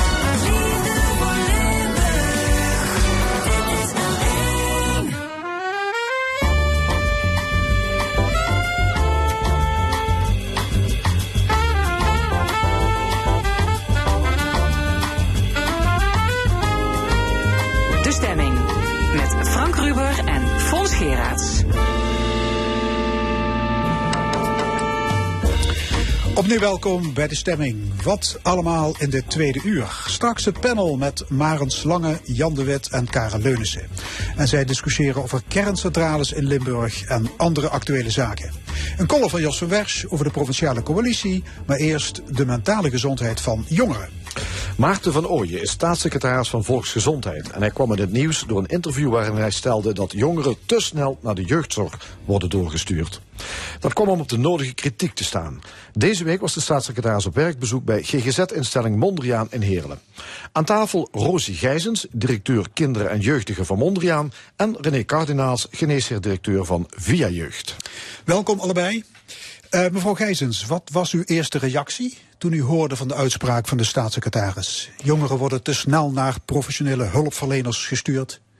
Ja, ik dacht toen dat die um, uitspraak er kwam, toen wisten wij al dat hij Mondriaan Kind en Jeugd ging bezoeken, dat het ook goed was dat hij kwam voor daar te zien welke jongeren daar aanwezig zijn, welke wij momenteel toch nog tijdelijk moeten opnemen, voor even uit de thuissituatie te laten ja, tot rust komen. Ja. Maar, maar, maar puur inhoudelijk, herstellen. dacht u van, hij heeft een punt of hij Nee, slaat de nee, plank mis? Nee, ik denk wel, hij stelde ook op het eind van het bezoek zijn eigen uitspraak iets bij. Hè.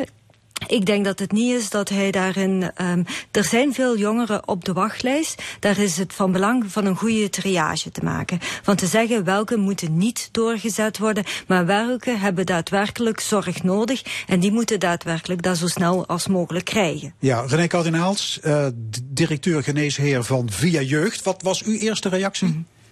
Ja, ik denk dat, dat hij voor een deel gelijk heeft. Het is een heel ingewikkeld probleem. Ehm, het is ook niet zomaar met één oplossingje op te lossen. Ehm, ik denk dat er een aantal jongeren, en ik heb ook ander werk gedaan in de zin voor aan die triage gezeten, onterecht, en dat is best een aanzienlijk aantal, onterecht in de psychiatrie terechtkomen, ziek worden door de psychiatrie. Dat is wat ik zie bij Via Jeugd. Het eindstuk zeg maar, van de carrière van een psychiatrische patiënt, jonge patiënt tegenwoordig zo'n beetje, zeg maar. Dus die die verblijf nodig hebben. Ik denk dat een aantal van die jongeren er echt niet zouden hebben moeten zitten. Die doen me wat aan. Maar ik denk dat hij ook onderschat wat er allemaal toe leidt dat het zo ver komt. Het begint helemaal vooraan. Wat Roosje zegt, die triage. We hebben hier in Zuid-Limburg een geweldige hoogleraar gehad, Frans Veron, helaas is hij recent overleden. Die schreef daar vijf jaar geleden al over. Zet de deskundigheid in het voorportaal. Want het voorportaal beslist of er wel of niet ziekte is. En het is anders dan met koorts. Een jong kind in de ontwikkeling, om te verklaren, om te, aan te tonen dat dat kind gezond is, dat het normaal is dat een jongen naaktfoto's op zijn telefoon heeft als hij 8, 9 jaar is, zeg maar, in deze tijd. Is heel iets anders, zeg maar, dan te zeggen, nou ja, het lijkt inderdaad een beetje op ADHD of het lijkt een beetje op AS en dan gaan ze het traject in. Ja. En daarom, vooraan, wat Roosje zegt, die triage. Ja, was die opmerking van de staatssecretaris ook een doorzichtige poging om te bezuinigen? Want de gezondheidszorg ja, dreigt onbetaalbaar te worden. Hè? Hoe, en hoe minder de zorg wordt belast, hoe goedkoper natuurlijk. Ja, Zou, ik je, denk, dat, zou je dat hebben kunnen bedoelen? Ik denk dat het um, ja, de kosten draaglijk houden, dat dat wel een belangrijke is, maar daarnaast ook de inhoud verbeteren. En dat dat een beetje te weinig uh, ja, voor het voetlicht is gekomen de laatste jaren. Maar ik geloof nu wel dat met de nieuwe opzetten die gedaan worden qua netwerksamenwerking, zeker hier in Zuid-Limburg, dat we daar de juiste dingen aan doen zijn voor de zorg zowel integraal aan te bieden, te verbeteren um, en ook de kosten daarin te reduceren. Ja, u zei al, de staatssecretaris was afgelopen donderdag bij u op bezoek, Ja. hè, bij Mondriaan in Heerlen. Was dat nou naar aanleiding van zijn uitspraken of stond dat bezoek, bezoek al lange, zo vast? Dat was al eerder gepland. Ja. En er is uitgebreid met hem gediscussieerd over zijn uitspraken?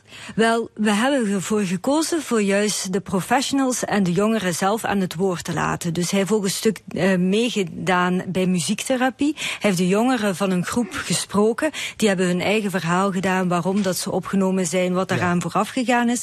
En adolescenten hebben daadwerkelijk zelf eh, ja, het gesprek gevoerd omtrent die uitspraak en hoe dat zij daarnaar Ja, kijken. hebben ze, hebben, en wat voor de, hun de van belang oren, hebben was. ze hem de oren gewassen? Wel een beetje voor te zeggen van, hey, weet al wat een voortraject ik gehad heb, waar ik van kastje naar muur telkens opnieuw gestuurd was. En nu ben ik eh, pas goed op mijn plek. Ja. En dit had ik liever eerder gehad. Ja, want het feit is dat de psychische nood onder jongvolwassenen hoog is. Ja. Het onderzoek blijkt dat meer dan de helft van de jongeren tussen de 16 en de 25 jaar, dat die mentale problemen hebben. Ja. Ook in Limburg. Dat Ja. is een alarmerend hoog aantal. En meer daar- dan de helft. Dat is bijna niet voor te stellen, meneer Kardinaals. Ja, ja, zeker. En kijk, dat is landelijk ook wel zo. Maar dan hebben we hier ook nog een keer de problemen van de grens en de, de georganiseerde criminaliteit. Die weten dat dit nou allemaal heel Dus in makkelijke Limburg slachtoffers komen nog eens dingen erbij. Ja, absoluut. Zeker. Zeker. Ik bedoel, eh, u houdt het nieuws ook bij. U ook- ziet ook wat voor vreselijke dingen hier gebeuren. Hè? Ja. Jongeren die vermoord worden en dat soort zaken. Dus Maar worden dingen niet te veel eh, op, op één hoop gegooid? Want je hebt natuurlijk lichte je hebt matige en je hebt zware gevallen. Ja. En klopt het dat die drie categorieën ongeveer eh, even groot zijn? We- Wel, ik denk maar het klopt dat er een meer aanbod moet zijn voor die drie verschillende groepen. Hè. En daarin denk ik dat we blij zijn, bijvoorbeeld de transitiedoelgroep was van 16 tot 25, hè, dat er sommigen zijn die gewoon niet moeten aangemeld worden bij een eh, psychiatrische instelling of dergelijke, maar bijvoorbeeld lijkt bij het IS kunnen binnenlopen met leeftijdsgenoten, kunnen praten over hun problemen, kunnen checken, hey, is een- hier heb ik last is van. een laagdrempelige instelling. Maastricht. Ja, en waar daar jongeren elkaar met- kunnen met- ja, ontmoeten met ervaringsdeskundigen. En op de achtergrond zit daar een professional die mee kan denken. Ja, want En ik kan me goeie. voorstellen dat ze in Den Haag denken... moeten die kinderen en die jongeren allemaal professionele bijstand krijgen? Worden ze niet te snel naar de GGD, naar, eh, sorry, naar de GGZ doorgestuurd? Nee, maar is die, is die het vraag, begin van het is die vraag van die jongeren- gerechtvaardigd om te stellen? Ja, nee, maar wat nu gebeurt, aan het begin van dit traject van de jongeren zitten laagst opgeleide mensen. En voor die is het makkelijk om te zeggen je bent ziek, dan om te zeggen je bent niet ziek. Snap je dat? Nee. Dat is een last. Dus mak Kijk, als iemand wil feinzen, even Ja. wil doen alsof hij ziek is, je kunt als dokter bijna niet aantonen dat iemand gezond is. Als u zegt, ik heb vreselijke hoofdpijn, ik heb helemaal geen zin in mijn werk, ik vind dat ik een bullshitbaan heb, hè, alles draait maar om het geld, ik heb er geen zin meer in, ik stop ermee. Toon dan maar eens aan dat het niet zo is. Als een kind thuis heel veel problemen heeft met ouders die in een scheiding zitten, dan is het makkelijker om bij dat kind een ziekte te constateren. Oh, hij slaapt nou niet meer, hij heeft een slaapstoornis. Dan wordt die slaapstoornis, snapt iedereen. Maar dat dat kind eigenlijk in dat voortraject, dat die ouders niet meer mogen scheiden, zeg maar, iets moet gebeuren. Dat noemt u dus niet, hè? Dus het probleem is dus dat die triage in het begin niet goed is. We bouwen het op. Organisaties hier vragen mij als kinderpsychiater, een stichting opgericht. Heb je niet een, een kinderpsychiater voor het eind van het traject? Verloren geld? Geef het op. Aan het begin moet het staan. Ja, Maar, dat, maar dat jongeren voor elk wisselwasje eh, hulp zoeken, dat, dat is een fabeltje. Want dat is eigenlijk wat de staatssecretaris beweert, hè? Er wordt veel te snel enzovoort. Ik denk dat het genuanceerder ligt dan. En ook om René aan, te vullen, denk ik ook het feit van wat is psychisch lijden. Hè? Van hoe eh, geef je dat op een goede manier vorm? En hoe ziet je ook een jongere? En pak je ook daarin juist zijn krachtbronnen, zijn sterktepunten in mee. Voordat dat eigenlijk ook al be- besproken kan worden, dan wordt het een stuk genormaliseerd voor te weten van hey, dit is waar meerdere mee dealen. Maar, en wat kan ik daarmee? Maar er is een aantal waar ik denk van daar moet je juist wel op interveneren. Voor te voorkomen dat in de volwassenheid het nog verder vastloopt. Ja, want die stijgende lijn die is er sinds 2017. Wat zijn de oorzaken? Waarom zitten zoveel kinderen en jongvolwassenen psychisch in de knoop? Ja, ik werk zelf ook bij de transitiedoelgroep. En daar heb ik gemerkt bij corona bijvoorbeeld. Dan, Wat eh, bedoelt u met de transitiedoelgroep? Ja, dus van de, leeftijd van 15 tot 25. En daarin zit juist het stuk van op dat moment als je op veel, meerdere fronten nieuwe dingen moet aangaan. Je moet op kamers gaan, je moet gaan studeren. Je bent eh, weg van uw normale hè, habitat thuis met uw vrienden. Alles is nieuw. Maar dat was En 15 dan- jaar geleden ook al, hè? Ja, en dan is alles online. En dan heb je, dan is het stuk van de vereenzaming. De, die is, eh, gaat wel meer en meer opspelen. Dus dat is iets wat ik toen in die periode wel heel sterk gezien En heb. dan heeft u het over telefoonverslaving. Dat Wel, jongeren eh, te veel op, een, op, een, op de sociale media zitten. Op de sociale media. En dan gaat het ook over pesten, eh, sexting, gamen, dat, ja, dat soort dingen. dat is enorm toegenomen. Ja. gaat, wat u vraagt, die stijging. Het gaat ook om het feit dat de samenleving in mijn ogen niet meer inspirerend is. Je moet kiezen tussen een carrière als patiënt of, een, of voor een niet-bullshit baan, zeg maar. Probeer als jonge mens zoiets nog maar eens te vinden. We zijn ons geloof, we zijn onze cultuur kwijt. We hadden tijdens de crisisdienst, dus in de crisisdienst komen de kinderen met acute problemen. Hadden wij nooit Turkse kinderen bijvoorbeeld. Totdat corona kwam en die gemeenschap zich onderling niet meer kon helpen door corona. Toen opeens op één avond twee Turkse meisjes. Daar moeten we van leren. Dat moeten we gebruiken. Die kennis. Hoe kunnen we ervoor zorgen dat al onze kinderen, zeg maar, misschien, het hoeft niet meteen het Turks model te zijn, maar door de familie en door andere mensen geholpen kunnen worden. Prestatiedruk speelt er ook een rol. Prestatie. Ouders Ja. Willen het, het allerhoogste, hoogste opleiding. Ja, maar ouders zitten zelf ook de hele tijd op een tablet. Ik doe gesprekken met ouders, omdat ik als kinderpsychiater een kind moet vertellen dat ze niet op de tablet moet zitten. Waarbij de ouders op het Zoom-gesprek zelf op de tablet zitten. Ik denk dat je daarin moet zeggen, je moet echt aan systemisch werken. Je moet de jongeren, maar ook de omgeving eromheen, daar moet het over gaan. Want dat Ja. is eh, hetgeen wat moet veranderen. En gender, dysforie, Ja. speelt dat nog een rol? Wel, da- daar heb ik zelf gemerkt dat de laatste twee, drie jaar wel toegenomen is. En daarin is het heel lastig voor te zeggen, wat is nu echte genderdysforie en wat is identiteitsproblematiek. Een groot Kli- verschil. Klimaatcrisis? Ja, nou, ik, ik, ik vind dat... Zit, zitten jongeren daarmee? De jongeren daar veel niet. bewuster Bang van voor de toekomst, dan toen. over- Ja, maar, maar ook omdat wij constant als samenleving... Er is geen rapportage geweest voor toen het ozongat weer dicht was. Hè? Daar heeft niemand het over. Dus die kinderen horen alleen maar verhalen van dit gaat niet goed. En die oorlog in Oekraïne hebben kinderen ook last van. Ja. Echt last. Mensen die er zo uitzien als wij en dan doodgaan, hebben kinderen last van. Dus zeker. Dus het is een samenstel van, van factoren. factoren. ja. Het is een ingewikkeld verhaal. Ja. Nu hoor je zeggen dat jongeren tegenwoordig geen eh, sociaal netwerk meer hebben. Hè, vroeger kon je terecht bij de buren of bij de, bij de familie. Dat is niet meer. Hè, beide ouders werken allebei. Ja, dan maar dat de dokter als je flink zit te piekeren. Ja. Dat, dat is zeker het gegeven en daar moet je dus eh, aandacht voor hebben. Maar ook daarnaast zitten op social media zoveel verschillende chatrooms. En sommige zijn helpend en sommige worden op een gegeven moment niet meer helpend, maar juist invaliderend. En dat ik jongeren merk die opgenomen zijn, dat ze zeggen mijn beste vrienden, die zitten in Australië en in Denemarken. En, en dan denk je op welke manier is dit een echt contact wat er nog is, hè?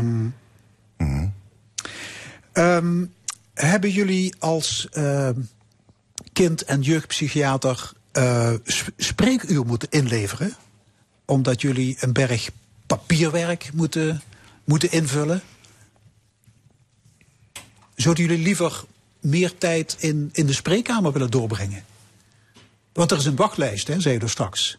Ja, ik denk de uitdaging, ik ben van eh, oorsprong een volwassen psychiater, maar werk nu vijf jaar eh, binnen kinder en jeugd. Ik was wel verrast over hoeveel eh, overleggen rond de tafel, gesprekken dat gedaan moeten worden voor verlengingen van arrangementen en dergelijke. En dat zijn uiteindelijk veel uren die niet in de gespreksruimte eigenlijk plaatsvinden. En daar proberen we, hebben wij nu binnen Mondriaan geprobeerd van te verminderen en ergens anders te beleggen. Ja, Want je hebt die dat- expertise toch gewoon nodig in de spreekkamer? het is dat, ja. Hoe groot is de wachtlijst? Dat hangt er vanaf van de verschillende onderdelen, denk ik. Maar ehm, ja, een aantal weken. Ja. Is het voor kwetsbare jongeren belangrijk dat ze tijdig hulp zoeken?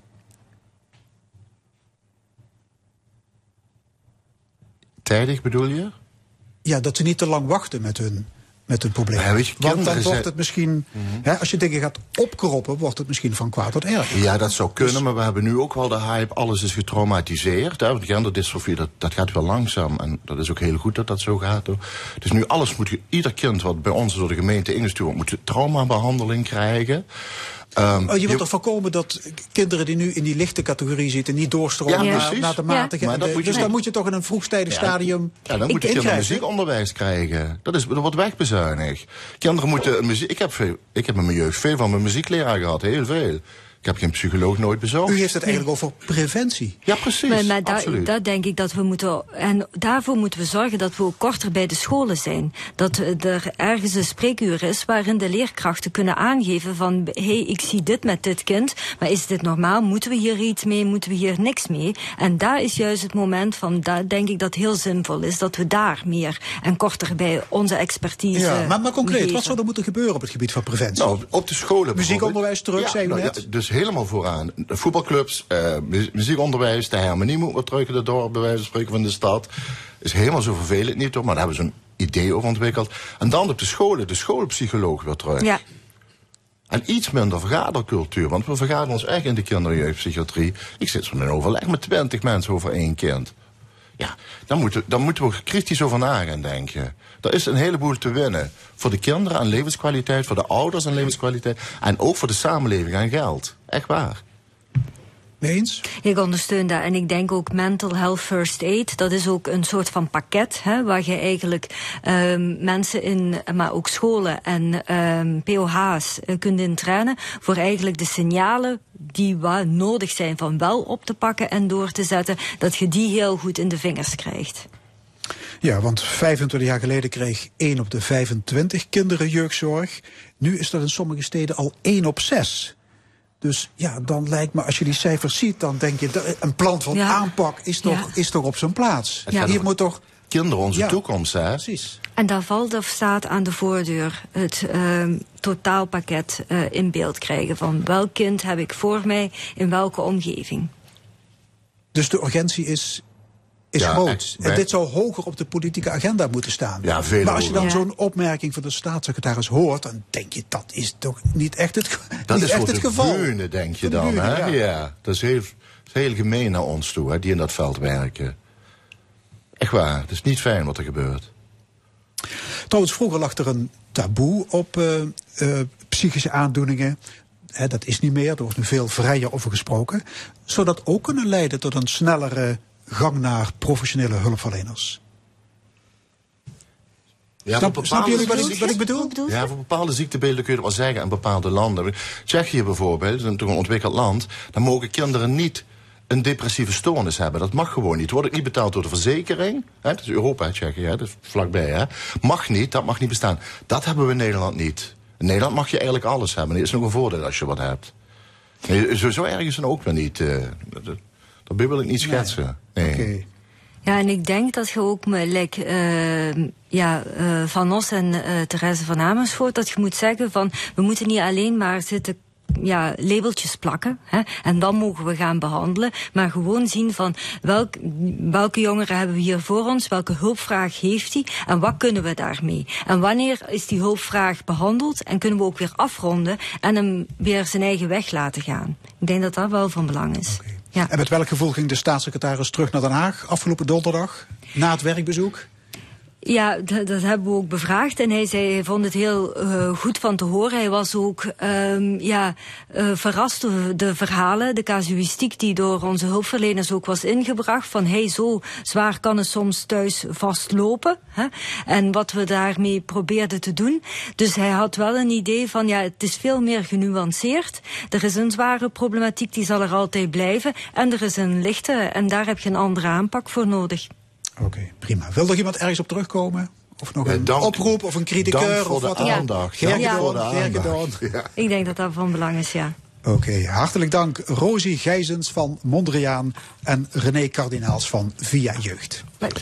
En u luistert naar L1 met De Stemming. Elke zondag van 11 tot 1 voor politiek, maatschappij, wetenschap en kunst. Zometeen de column van Jos van Wers, maar eerst Rihanna met Diamonds. Shine bright like a diamond.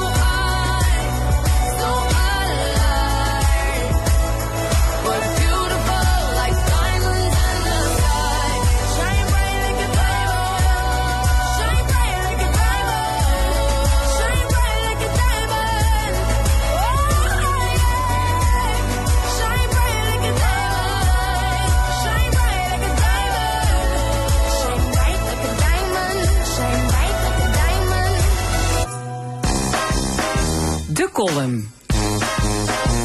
Vandaag met Jos van Wersch. Dat lijkt me een verdomd lastige klus, somberde Jans krijgen toen de Limburgse kopvrouw van de BBB, Annetje Schoolmeesters, hem belde om verkenner te worden in de voetsporen van David Livingstone, Christoffel Columbus en James Cook. Verkenner, wauw, want dat was gij nog niet eerder. Diens curriculum vitae is sowieso een verkenningsreis ohne ende. Bovendien een oersluwe bestuurder van onbesproken gedrag als raadslid, wethouder, gedeputeerde, burgemeester, dijkgraaf en kamerheer van voorheen Haren en tegenwoordig zijne majesteit. Mijn kamerheer dacht ik vroeger aan een lakij in een lange jas afgezet met groot galon, met eronder een fluwelen kniebroek en schoenen met glimmende gespen. Schreien zou die sprookjesachtige outfit perfect hebben gepast. Een paar uur na het telefoontje zaten schoolmeesters en schreien al in één tot restaurant verboden boerenhoeven ergens halverwege hun woonplaatsen Voerendaal en Sittard. Tijdens een lunch met boerenomelet op oma's wijze en een kan karnemelk kwam de aap tot verbazing van de verkenner al snel uit de mouw. Er viel voor de verkenner namelijk weinig meer te verkennen, want Annetje had de voorwas reeds gedaan. Laat die sociaaldemocraten heel even aan de macht ruiken, had Caroline gezegd. En ze naaien nog dezelfde dag hun boezemvrienden van GroenLinks in het pak. Al dus geschieden. Inmiddels staat de linkse Siamese tweeling elkaar naar het leven, zoals de Tutsi en de Hutu in hun beste dagen. Zo weten we dankzij GroenLinks-dino Jan Muitjens. De rest van het verhaal is een ABC'tje. Terwijl schoolmeesters en schreien nog aan de boerenomelet zaten, kraaiden de voorlichters van de provincie Limburg al triomfantelijk dat de verkenner in coalitie adviseert met de BBB op de tractor en vier deemoedige lifters op de platte kar. Nooit eerder in de parlementaire geschiedenis van Limburg was een coalitie zo snel achter het scherm in elkaar getimmerd. Hetgeen niet mag verbazen. VVD, CDA, PvdA en SP beseffen dat ze vier jaar lang genadebrood moeten eten, aangezien ze van BBB's welgezindheid afhankelijk en daarom tot dankbaarheid verplicht zijn. Puur voor de bühne mochten vrijdagmiddag de losers bozig vertellen dat zij het advies van de verkenner maar la la vinden. Maar na de verkenner diezelfde middag door de almachtige Annetje werd gepromoveerd tot informateur. Samen met Petra Dassen, het oerdegelijke burgemeesterlijke duizend dingen doekje uit Kerkrade. En Annetje, die bekeek en dacht ik het Bijbelboek Genesis. Vanaf de eerste rij in het gouvernement, het Limburgse boerenland, zegende het en zag dat het goed was. De column was dat van Jos van Wersch. Laatste onderdeel van de stemming is het discussiepanel. Vandaag over kerncentrales in Limburg, de voortgang van de provinciale coalitie en de taalgids van het LAX. Ik heet van harte welkom Maren Slangen, fractievoorzitter van de PvdA Maastricht, Jan de Wit, ex-Kamerlid voor de SP en Karen Leunissen, voormalig voorzitter van het CDA Limburg. Ja, Jos van Wers heeft de voorwas al gedaan, om even in de termen van de column te blijven. We gaan even verder eh, over die eh, coalitie die er gaat aankomen. BBB, VVD, CDA, PvdA, SP. Dat gaat hem worden.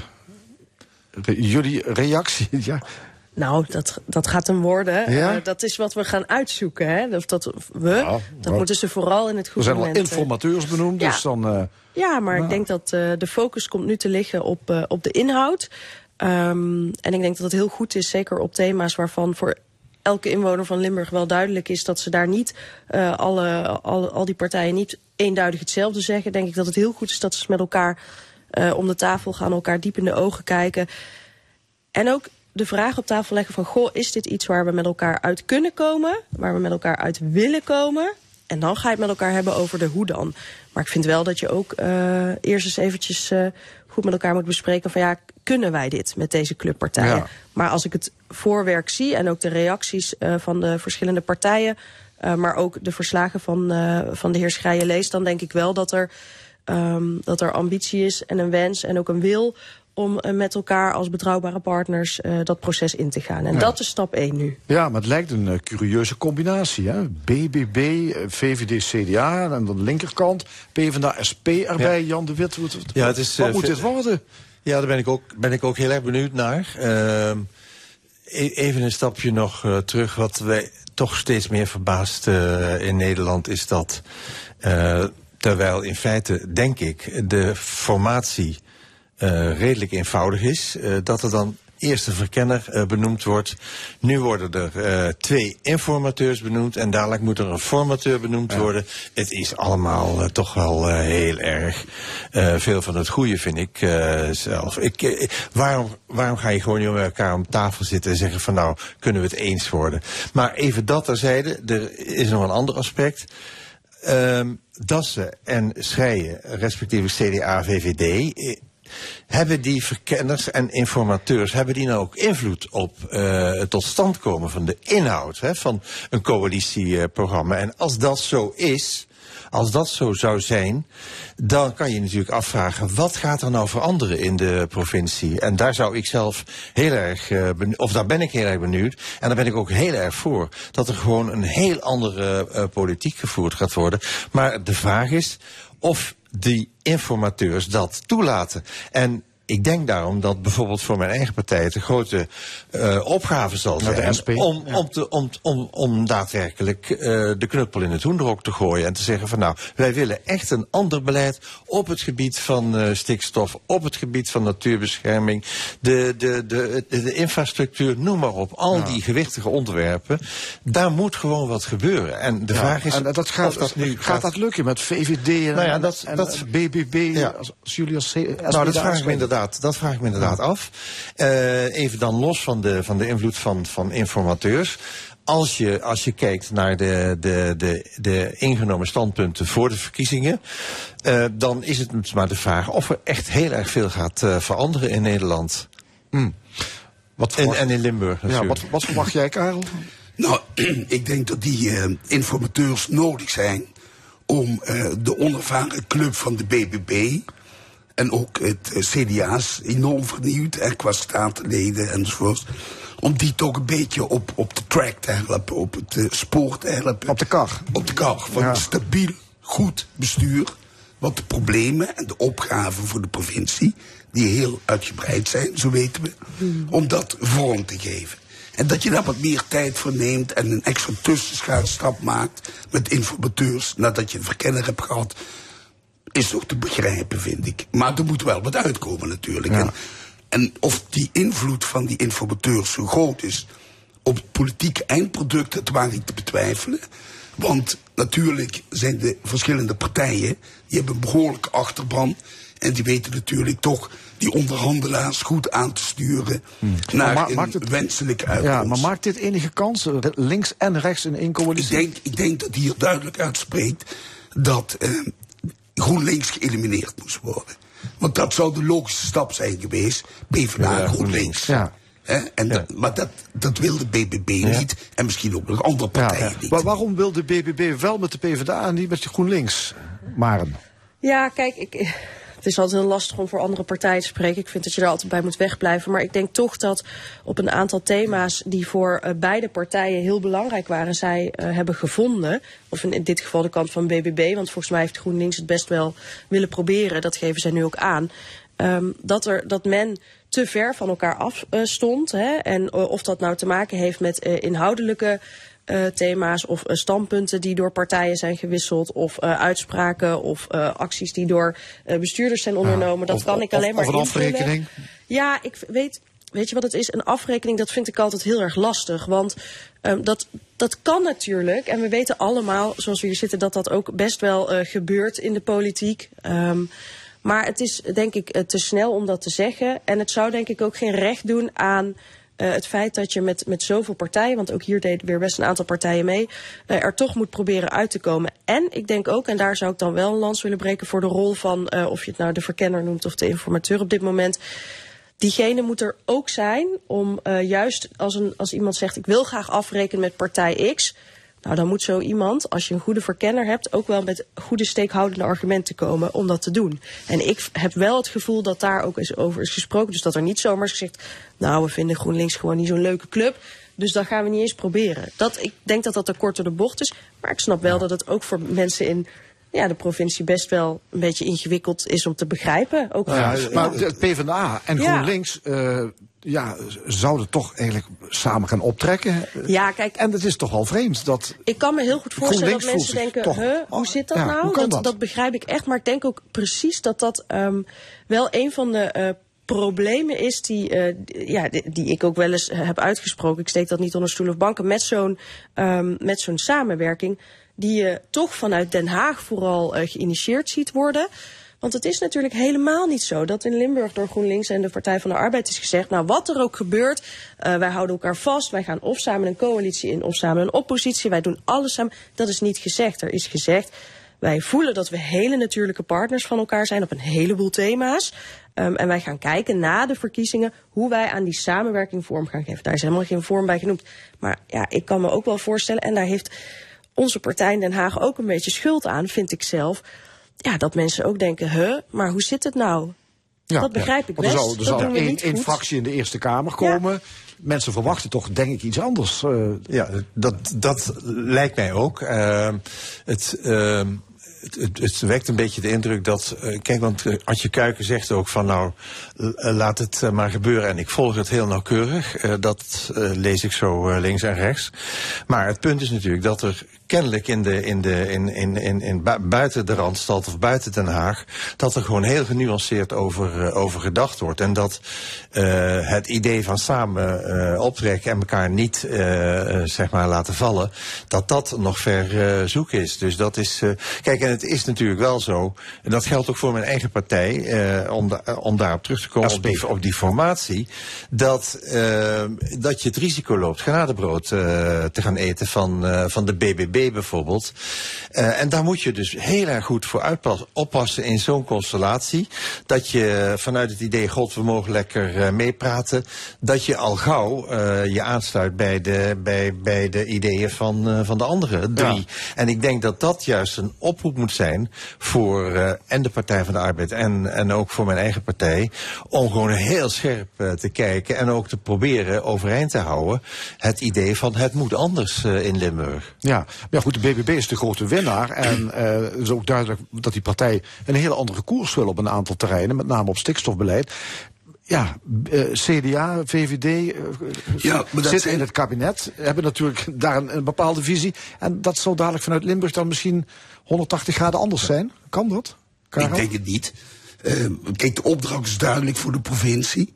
En waar deze partijen naar streven, die bestuurderspartij, is een stabiel bestuur.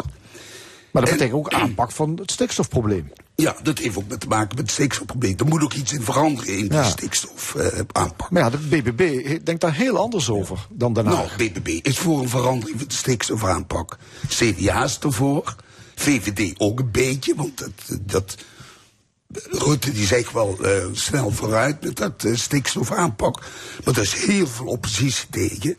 En eh, harde wetenschappelijke cijfers die het aanpak van het kabinet niet onderbouwen.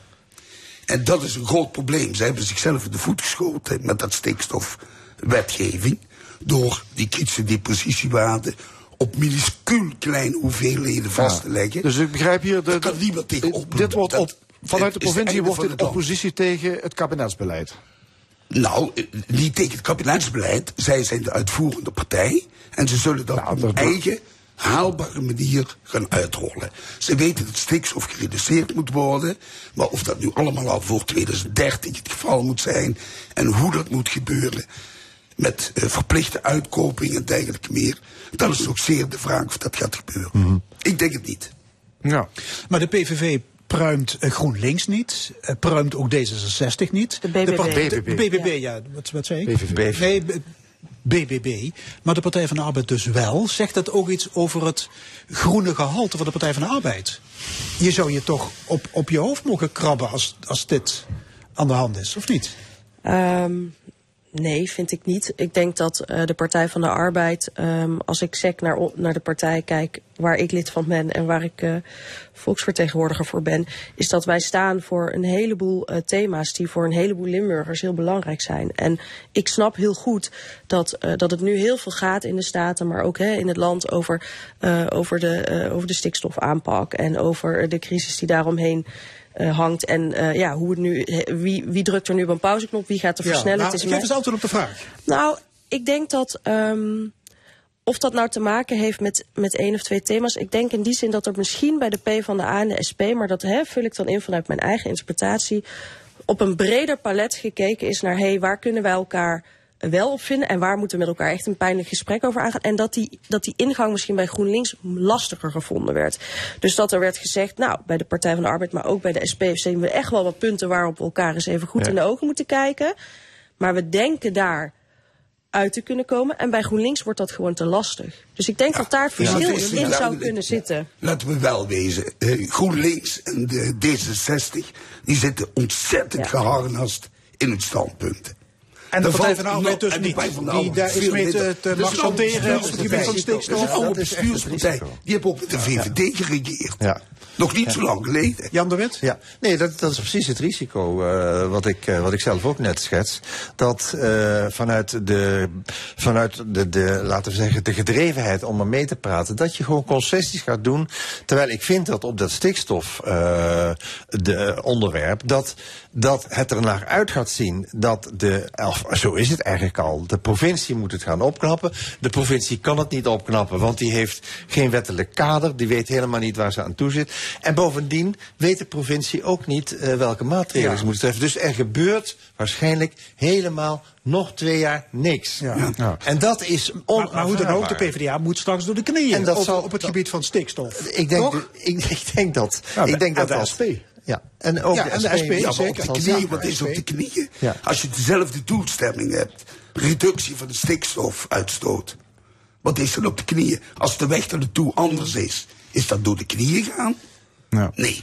Als nee, de maar het ligt, het ligt, er het ligt, het ligt er maar aan wat, wat voor, eh, het ligt er maar aan met wat voor oplossingen eh, men komt. Want de BBB, laten we wel wezen, eh, die overigens slechts 20% van de stemmen heeft gehaald, vergeet dat niet. En, en, en een ruime meerderheid van het Nederlandse volk vindt nog steeds dat er maat, dus meer dan 60% vindt dat er wel degelijk maatregelen op stikstofgebied moeten komen. Dus er moet iets gebeuren op dat, eh, op dat, eh, op dat onderwerp. En de BBB zegt, nou voor ons is alles bespreekbaar, met name die Natura 2000 gebieden. Mag, mogen er rustig minder worden en er komen er zeker geen bij. Nou, dat vind ik een heel discutabel eh, standpunt. Om daar al van in de onderhandelingen van uit te gaan. De BBB respecteert niet de Natura 2000 gebieden. Wat willen we dan nog? Ja. In bijvoorbeeld Limburg, zo'n klein gebied waar eh, dat zo gevoelig eh, ligt. Dat kan volgens mij niet. Nee. Het is wel opmerkelijk dat er voor eh, PvdA en SP is gekozen om bij, bij deze coalitie te voegen. Was het niet veel handiger geweest om bijvoorbeeld de PVV toe te voegen? Ja, maar dat ze staat heel nadrukkelijk ook in de, in de verslagen. Dat gevoel daarbij een rol heeft gespeeld. Kijk, zowel de BBB als de nieuwkomer, die beschouwen toch de PVV van ja, is dat wel, is dat wel een goede partner voor om een stevige coalitie te bouwen. Het CDA heeft natuurlijk ook zijn verleden met de PVV. En ik denk toch, de VVD is er natuurlijk ook niet zo pro. Ik denk dat de PvdA ook wat moeilijkheden zou hebben om met de PVV in de coalitie te gaan. Ik denk dat de PVV ja, er gewoon niet in past. Oud zeer. Oud Zegt de verkenner. Goed, we gaan naar een ander onderwerp. Afgelopen week werd in het gouvernement een symposium gehouden over kernenergie. Er is een alliantie gepresenteerd die de geesten rijp moet maken voor de bouw van één of meerdere kleine kernreactoren in Limburg. Hoe valt dat idee bij jullie, Marijn Slangen, PvdA? Ehm, ja, ik vond het wel jammer, want ehm, wat ons betreft is, eh, is kernenergie op dit moment helemaal eh, niet aan de orde. En zeker niet in Limburg en zeker niet in ver- verschillende kleine vormen. Want alle risico's die daarbij komen kijken, Ehm, en alle risico's waar we op dit moment gewoon nog geen antwoord op hebben. Dat betekent dat als jij eh, meerdere kleine reactoren ontwikkelt in Limburg, dan heb je al die risico's op meerdere plekken. En dan moet je dus ook op meerdere plekken eh, gaan handhaven, allerlei instrumenten uit de kast halen om dat veilig te laten landen. En wat ons betreft, ja, is daar, is daar gewoon nog helemaal geen ruimte voor. Dus, dus het symposium en ook de alliantie die nu aan de slag gaat, als daar ook nog het antwoord uit kan komen, nee, we moeten dit niet doen in Limburg, ja, dan denk ik dat ze, eh, dat ze met elkaar heel snel aan de slag moeten. en dan hoop Dus ik wat, dat wat jou ze daar... betreft geen kernenergie in het nieuwe coalitieakkoord. Nee, Ja, Jan de Wet, is gewoon- het, is vind biz- jij het, is van, eh, bizar, het is bizar wat hier gebeurt in Limburg.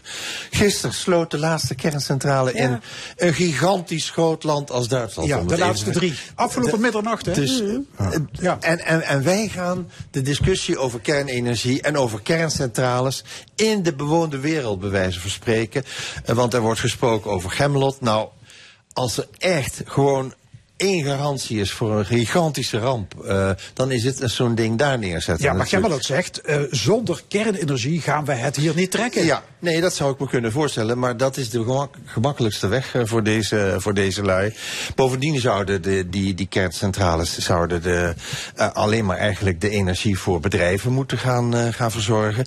Dus het is een heel vreemd standpunt dat de provincie hier nu gaat innemen om die kernenergie te gaan onderzoeken en promoten en weet ik het allemaal wat. Het een van de verzachtende argumenten is dus dat ze zeggen, nou, we gaan zo'n kleine, zo- zo'n klein Ja, ding. het zijn geen zo'n grote, klein enorme ding kerncentrales. Gaan we maar neerzetten. De, de, de gedeputeerde had het laatst over een IKEA-pakket. Ja, ja ik zou haast zeggen. Nee, dat, is, dat mag ik niet zeggen hier voor de Daar radio. ontbreekt altijd een schroefje hè, bij een IKEA-pakket. dus ik zou is- dat, eh, die metafoor is lastig. krankzinnig gewoon. Die, dat, dat model is er nog niet. Hè? Dat moet ontworpen worden. De bouw van een kerncentrale is minstens 10 jaar. En de kosten worden nu al geschat op 1 tot 2 miljard. Waar praten we in hemelsnaam over? En dan hebben we het nog niet over het echte grote veiligheidsprobleem van zo'n kerncentrale in een dichtbevolkt gebied als, eh, als eh, Limburg. En over de vraag van wat doen wij met het afval. Al die zaken worden, eh, zeg maar... Ja, dat zijn hele kleine pakketjes, de gedeputeerde, en die stoppen we ergens onder ja, de grond. maar ze, ze blijven tot in de eeuwigheid blijven ze een bron van eh, grote risico's vormen. Dus het is wat mij betreft duidelijk dat dit een achterhand zal. En, en er wordt gewoon niet genoeg geïnvesteerd in alternatieve bronnen. We hebben nog lang niet bekeken wat er mogelijk is met wind- en eh, zonne-energie. Al die mogelijkheden die er zijn. nou ja, eh, er wordt gezegd, we gaan het niet redden met alleen zonne-energie en windenergie. Ja. Er is enorme behoefte straks aan elektriciteit. En Ja. dan is kernenergie een welkome aanvulling van de zogenoemde energie, energiemix. Ik denk dat dat zo is. Laten we gewoon realistisch zijn. Hoe jammer ook is dat we die extra vorm van energievoorziening nog nodig hebben. Maar met al die parken op, op zee, waar een hoop mee is. Met al die zonneweiden. Er komt nu weer in een Larnakerveld. Hectares allemaal van die blinkende dingen. Ja, dat is natuurlijk op termijn ook niet de oplossing. En het, de, de elektriciteitsmaatschappijen, die kunnen die hoeveelheid stroom niet managen. Want dat moet, ja, ehm, bij, bij grote bedrijven moet er heel veel worden afgenomen, 24 uur per dag. En anders heb je piekbelastingen en dat kunnen ze niet managen. Dus er moet een alternatieve vorm komen. En nu wordt onderzocht in Limburg, maar ook landelijk, wat is de toegevoegde waarde van kernenergie en is dat veilig? Die kleine kerncentrales, die hebben, kennen echt geen meltdown, hè. Zoals je in Fukushima, Fukushima? Fukushima. Fukushima. Heb gezien. Die kennen wij niet. Met die kleine reactoren. dus ik denk dat, dat ehm, om die industrieën duurzaam, maar wel continu de benodigde energie te leveren, heb je dit soort dingen nodig. Dat kun je niet aan het net onttrekken. Nou ja, ik- en dat ik- wordt onderzocht Ik nu. vind, ik vind, ja, nee, prima. Dat, dat het onderzocht vind ik, vind, ik, vind ik op zichzelf nog, nog geen probleem. Maar het is te makkelijk. Het is te makkelijk in die zin dat, wat ik daarnet ook zei, nog niet alle mogelijkheden die er zijn aan alternatieven uitgeput zijn. Kijk nou wat, wat, wat, waar we, wat we het afgelopen jaar, anderhalf jaar hebben meegemaakt. De oorlog in de Oekraïne, de, de, de, de toevoer van Russisch gas stopgezet, het Nederlandse gas ook stopgezet, desalniettemin brandt de kachel. Bij wijze van spreken. Op een Dus met- met- Ja, maar nou ja, we zijn erop gewezen, wees zuinig. Ja. Is niks mis mee. 30% minder nee, maar. Ja, maar Kennelijk zonder dat er grote ongelukken gebeuren. Dus met andere woorden, we hebben het al flink voor de kiezer gekregen het afgelopen jaar. En we zijn in staat geweest om dat probleem te tackelen. En dus moet je kijken, hoe, doen we, hoe doen wij dat op de langere termijn... zonder dat wij naar kernenergie Laten we hoeven wel over te gaan? wezen, met dat tackelen hebben we wel weer x aantal, ook in Duitsland, kolencentrales geopend. Ja. Die op volle toeren draaien. Die de lucht vervuilen eh, tot in het kwadraat. Ja, nou ja, Ja, misschien is hadden Duitsland eerst die bruinkoolcentrales moeten sluiten Ja, en daarna en pas de daarna pas die kerncentrales, kerncentrales. toch? Ja. Dit is gewoon Karel, politiek de groen hebben. Dat Vind jij, vind jij kernenergie... Ontzettend doen. Vind jij kernenergie duurzame energie? is duurzame energie ten aanzien van de vervuiling van lucht, grondwater enzovoorts. Het is niet duurzaam ten aanzien van de restafval. Dat is het probleem. En de bouw. En het onderhoud. En, En, en, en, en afbreken. uranium? ja, uranium dat is hetzelfde als restafval. Ja. Dat is radioactiviteit. Dat is hoog radioactief op het moment dat ze het gebruiken in de centrale. Ja. En de rest ervan is laag radioactief uranium. Heb je Wat het idee- zelfs in de shells gebruiken. Heb je niet het idee dat we dan de rekening doorzetten naar de volgende generaties? Er moet een goede oplossing voor komen. Ja. Maar dat probleem bestaat al in de wereld met eh, de, de atoombommen, de, de tactische kernwapens en noem maar op. Er liggen overal ligt radioactief materiaal. Hele wat- wereld Het is wel een puinhoop. dat. Nou, Dus, eh, nou ja, dat Nee, wordt wel heel fatalistisch. Nee, ik denk wel het probleem. Kijk, er moet voor zoveel onderdelen van, dit, ehm, van deze vorm van energie een oplossing gevonden worden. Wat ontzettend lang duurt. En ehm, Jan heeft, er, heeft gelijk, het, het kost ontzettend veel geld. En waar mijn angst een beetje zit, en daarom vind ik dat je wel nu moet zeggen eh, ja of nee, is dat op het moment dat je zegt, nou, we gaan het allemaal onderzoeken, we gaan het allemaal eens bekijken en we gaan er allemaal met heel veel mensen die er heel veel verstand van hebben, heel lang naar ki- eh, mee bezig zijn is dat je in die tussentijd dus niet bezig bent met manieren die eh, voor een heleboel mensen veel duurzamer, schoner, veiliger en misschien ook wel goedkoper zijn. En daarom vind ik het, vind ik het lastig en moeilijk dat de focus nu heel erg op deze vorm komt te liggen en heel erg op het uitzoeken daarvan. Terwijl ik vind dat we dan toch wel een heleboel alternatieven missen. En daarom zeg ik, ja, ben ik er niet blij mee. En dan heb je ook nog de, de vooruitgang in de techniek. Hè. Die kerncentrales die eh, eh, draaien nu nog op plutonium. Maar er komt een tijd dat thorium gebruikt wordt. En dat is, is net zo effectief, maar veel minder radioactief. Alleen dat duurt nog Dus- heel Ja, dat lang zal voordat nog we zover-. Kijk, Maar die- die Maar maar daar komt, daar komt het onderzoek. Maar die alliantie die wil alvast het draagvlak onder de Limburgse bevolking gaan vergroten. Er komen informatiebijeenkomsten, er komt een enquête.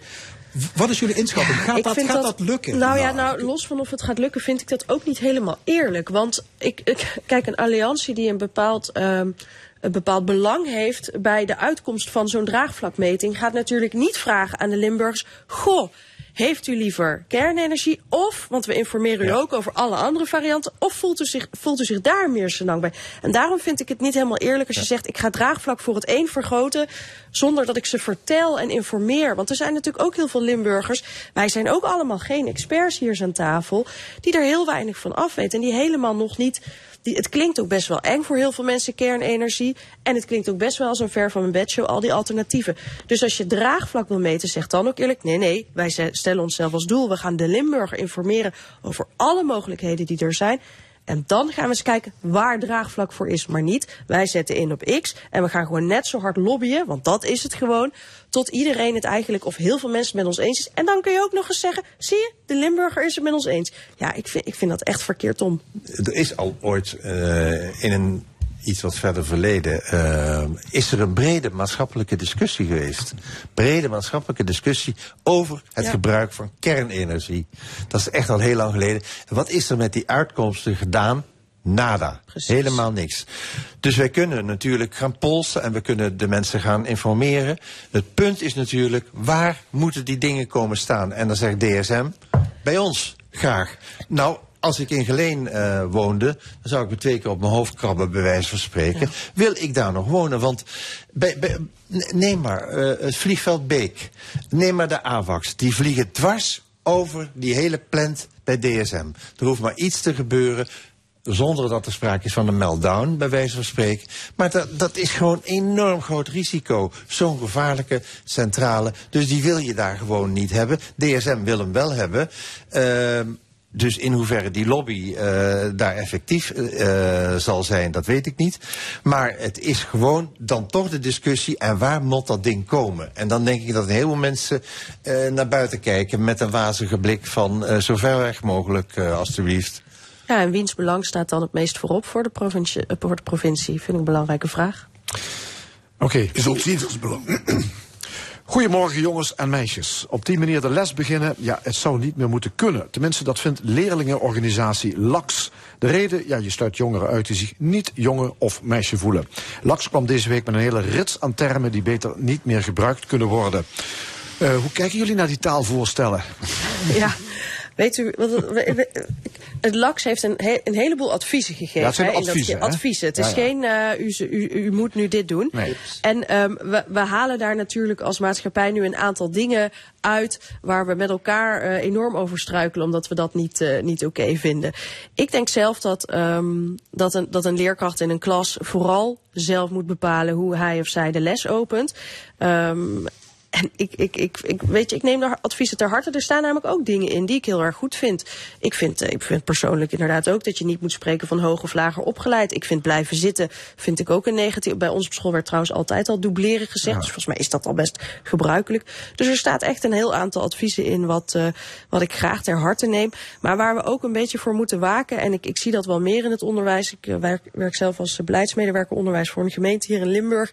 Dat we ook af moeten willen van de hele tijd vertellen hoe het onderwijs dingen moet doen.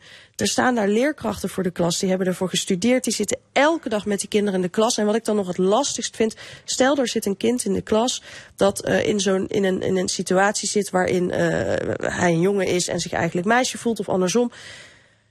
Ik vind gewoon niet dat je de problematiek zeker op zo'n jonge leeftijd die daarmee samenhangt, heel serieus neemt als dit de maatschappelijke discussie is. En ik geloof echt dat, dat leerkrachten vooral zelf heel goed moeten eh, aanvoelen, maar ook zich moeten eh, ja, specialiseren in dat wat nodig is. En dit ho- jij hoeft daar zegt, voor la- mij laat, niet bij. laat het vooral aan de leraar Juist. zelf over. ja. Het, gaat, Ja? het gaat niet alleen over de leerkrachten, hè, dat rapport. Het gaat ook over eh, de, de beleidsnota's Zeker. en de rapporten. Er zou en niet meer gesproken moeten worden over bijvoorbeeld het schoolniveau, maar een onderwijsrichting. Ja, toen, bijvoorbeeld. toen ik hier naartoe kwam, dacht ik, moet ik nou tegen Karel eh, zeggen dat hij ook, net als ik, hoogbejaard is? Of mag dat ook niet meer? Eh, moet je dan zeggen dat je een, dat je een, een, een, een, een bepaalde leeftijd hebt gebruikt, waardoor Ja. de dood dichterbij komt of zo? Dat soort zinnen. Nee, kijk, het is in wezen, eh, als ik het eerlijk mag zeggen, flauwekul. eh verhullend taalgebruik. Taal dient om duidelijk te zijn en om te zeggen waar het op staat. En Hartelijk dank. Jan de Wit, Marend Slangen, Karen Leunissen. De tijd is helaas op. Dit was eh, de stemming. Dit was inderdaad de stemming Ja. vandaag gemaakt door René Bergers, Fons Geraas en Frank Ruber. Graag tot volgende week zondag en dan weer om 11 uur. Dit programma is na te luisteren op onze website l1.nl. Zometeen sport op deze zender met onder meer de Amstel Gold Race. Ik wens u nog een mooie zondag.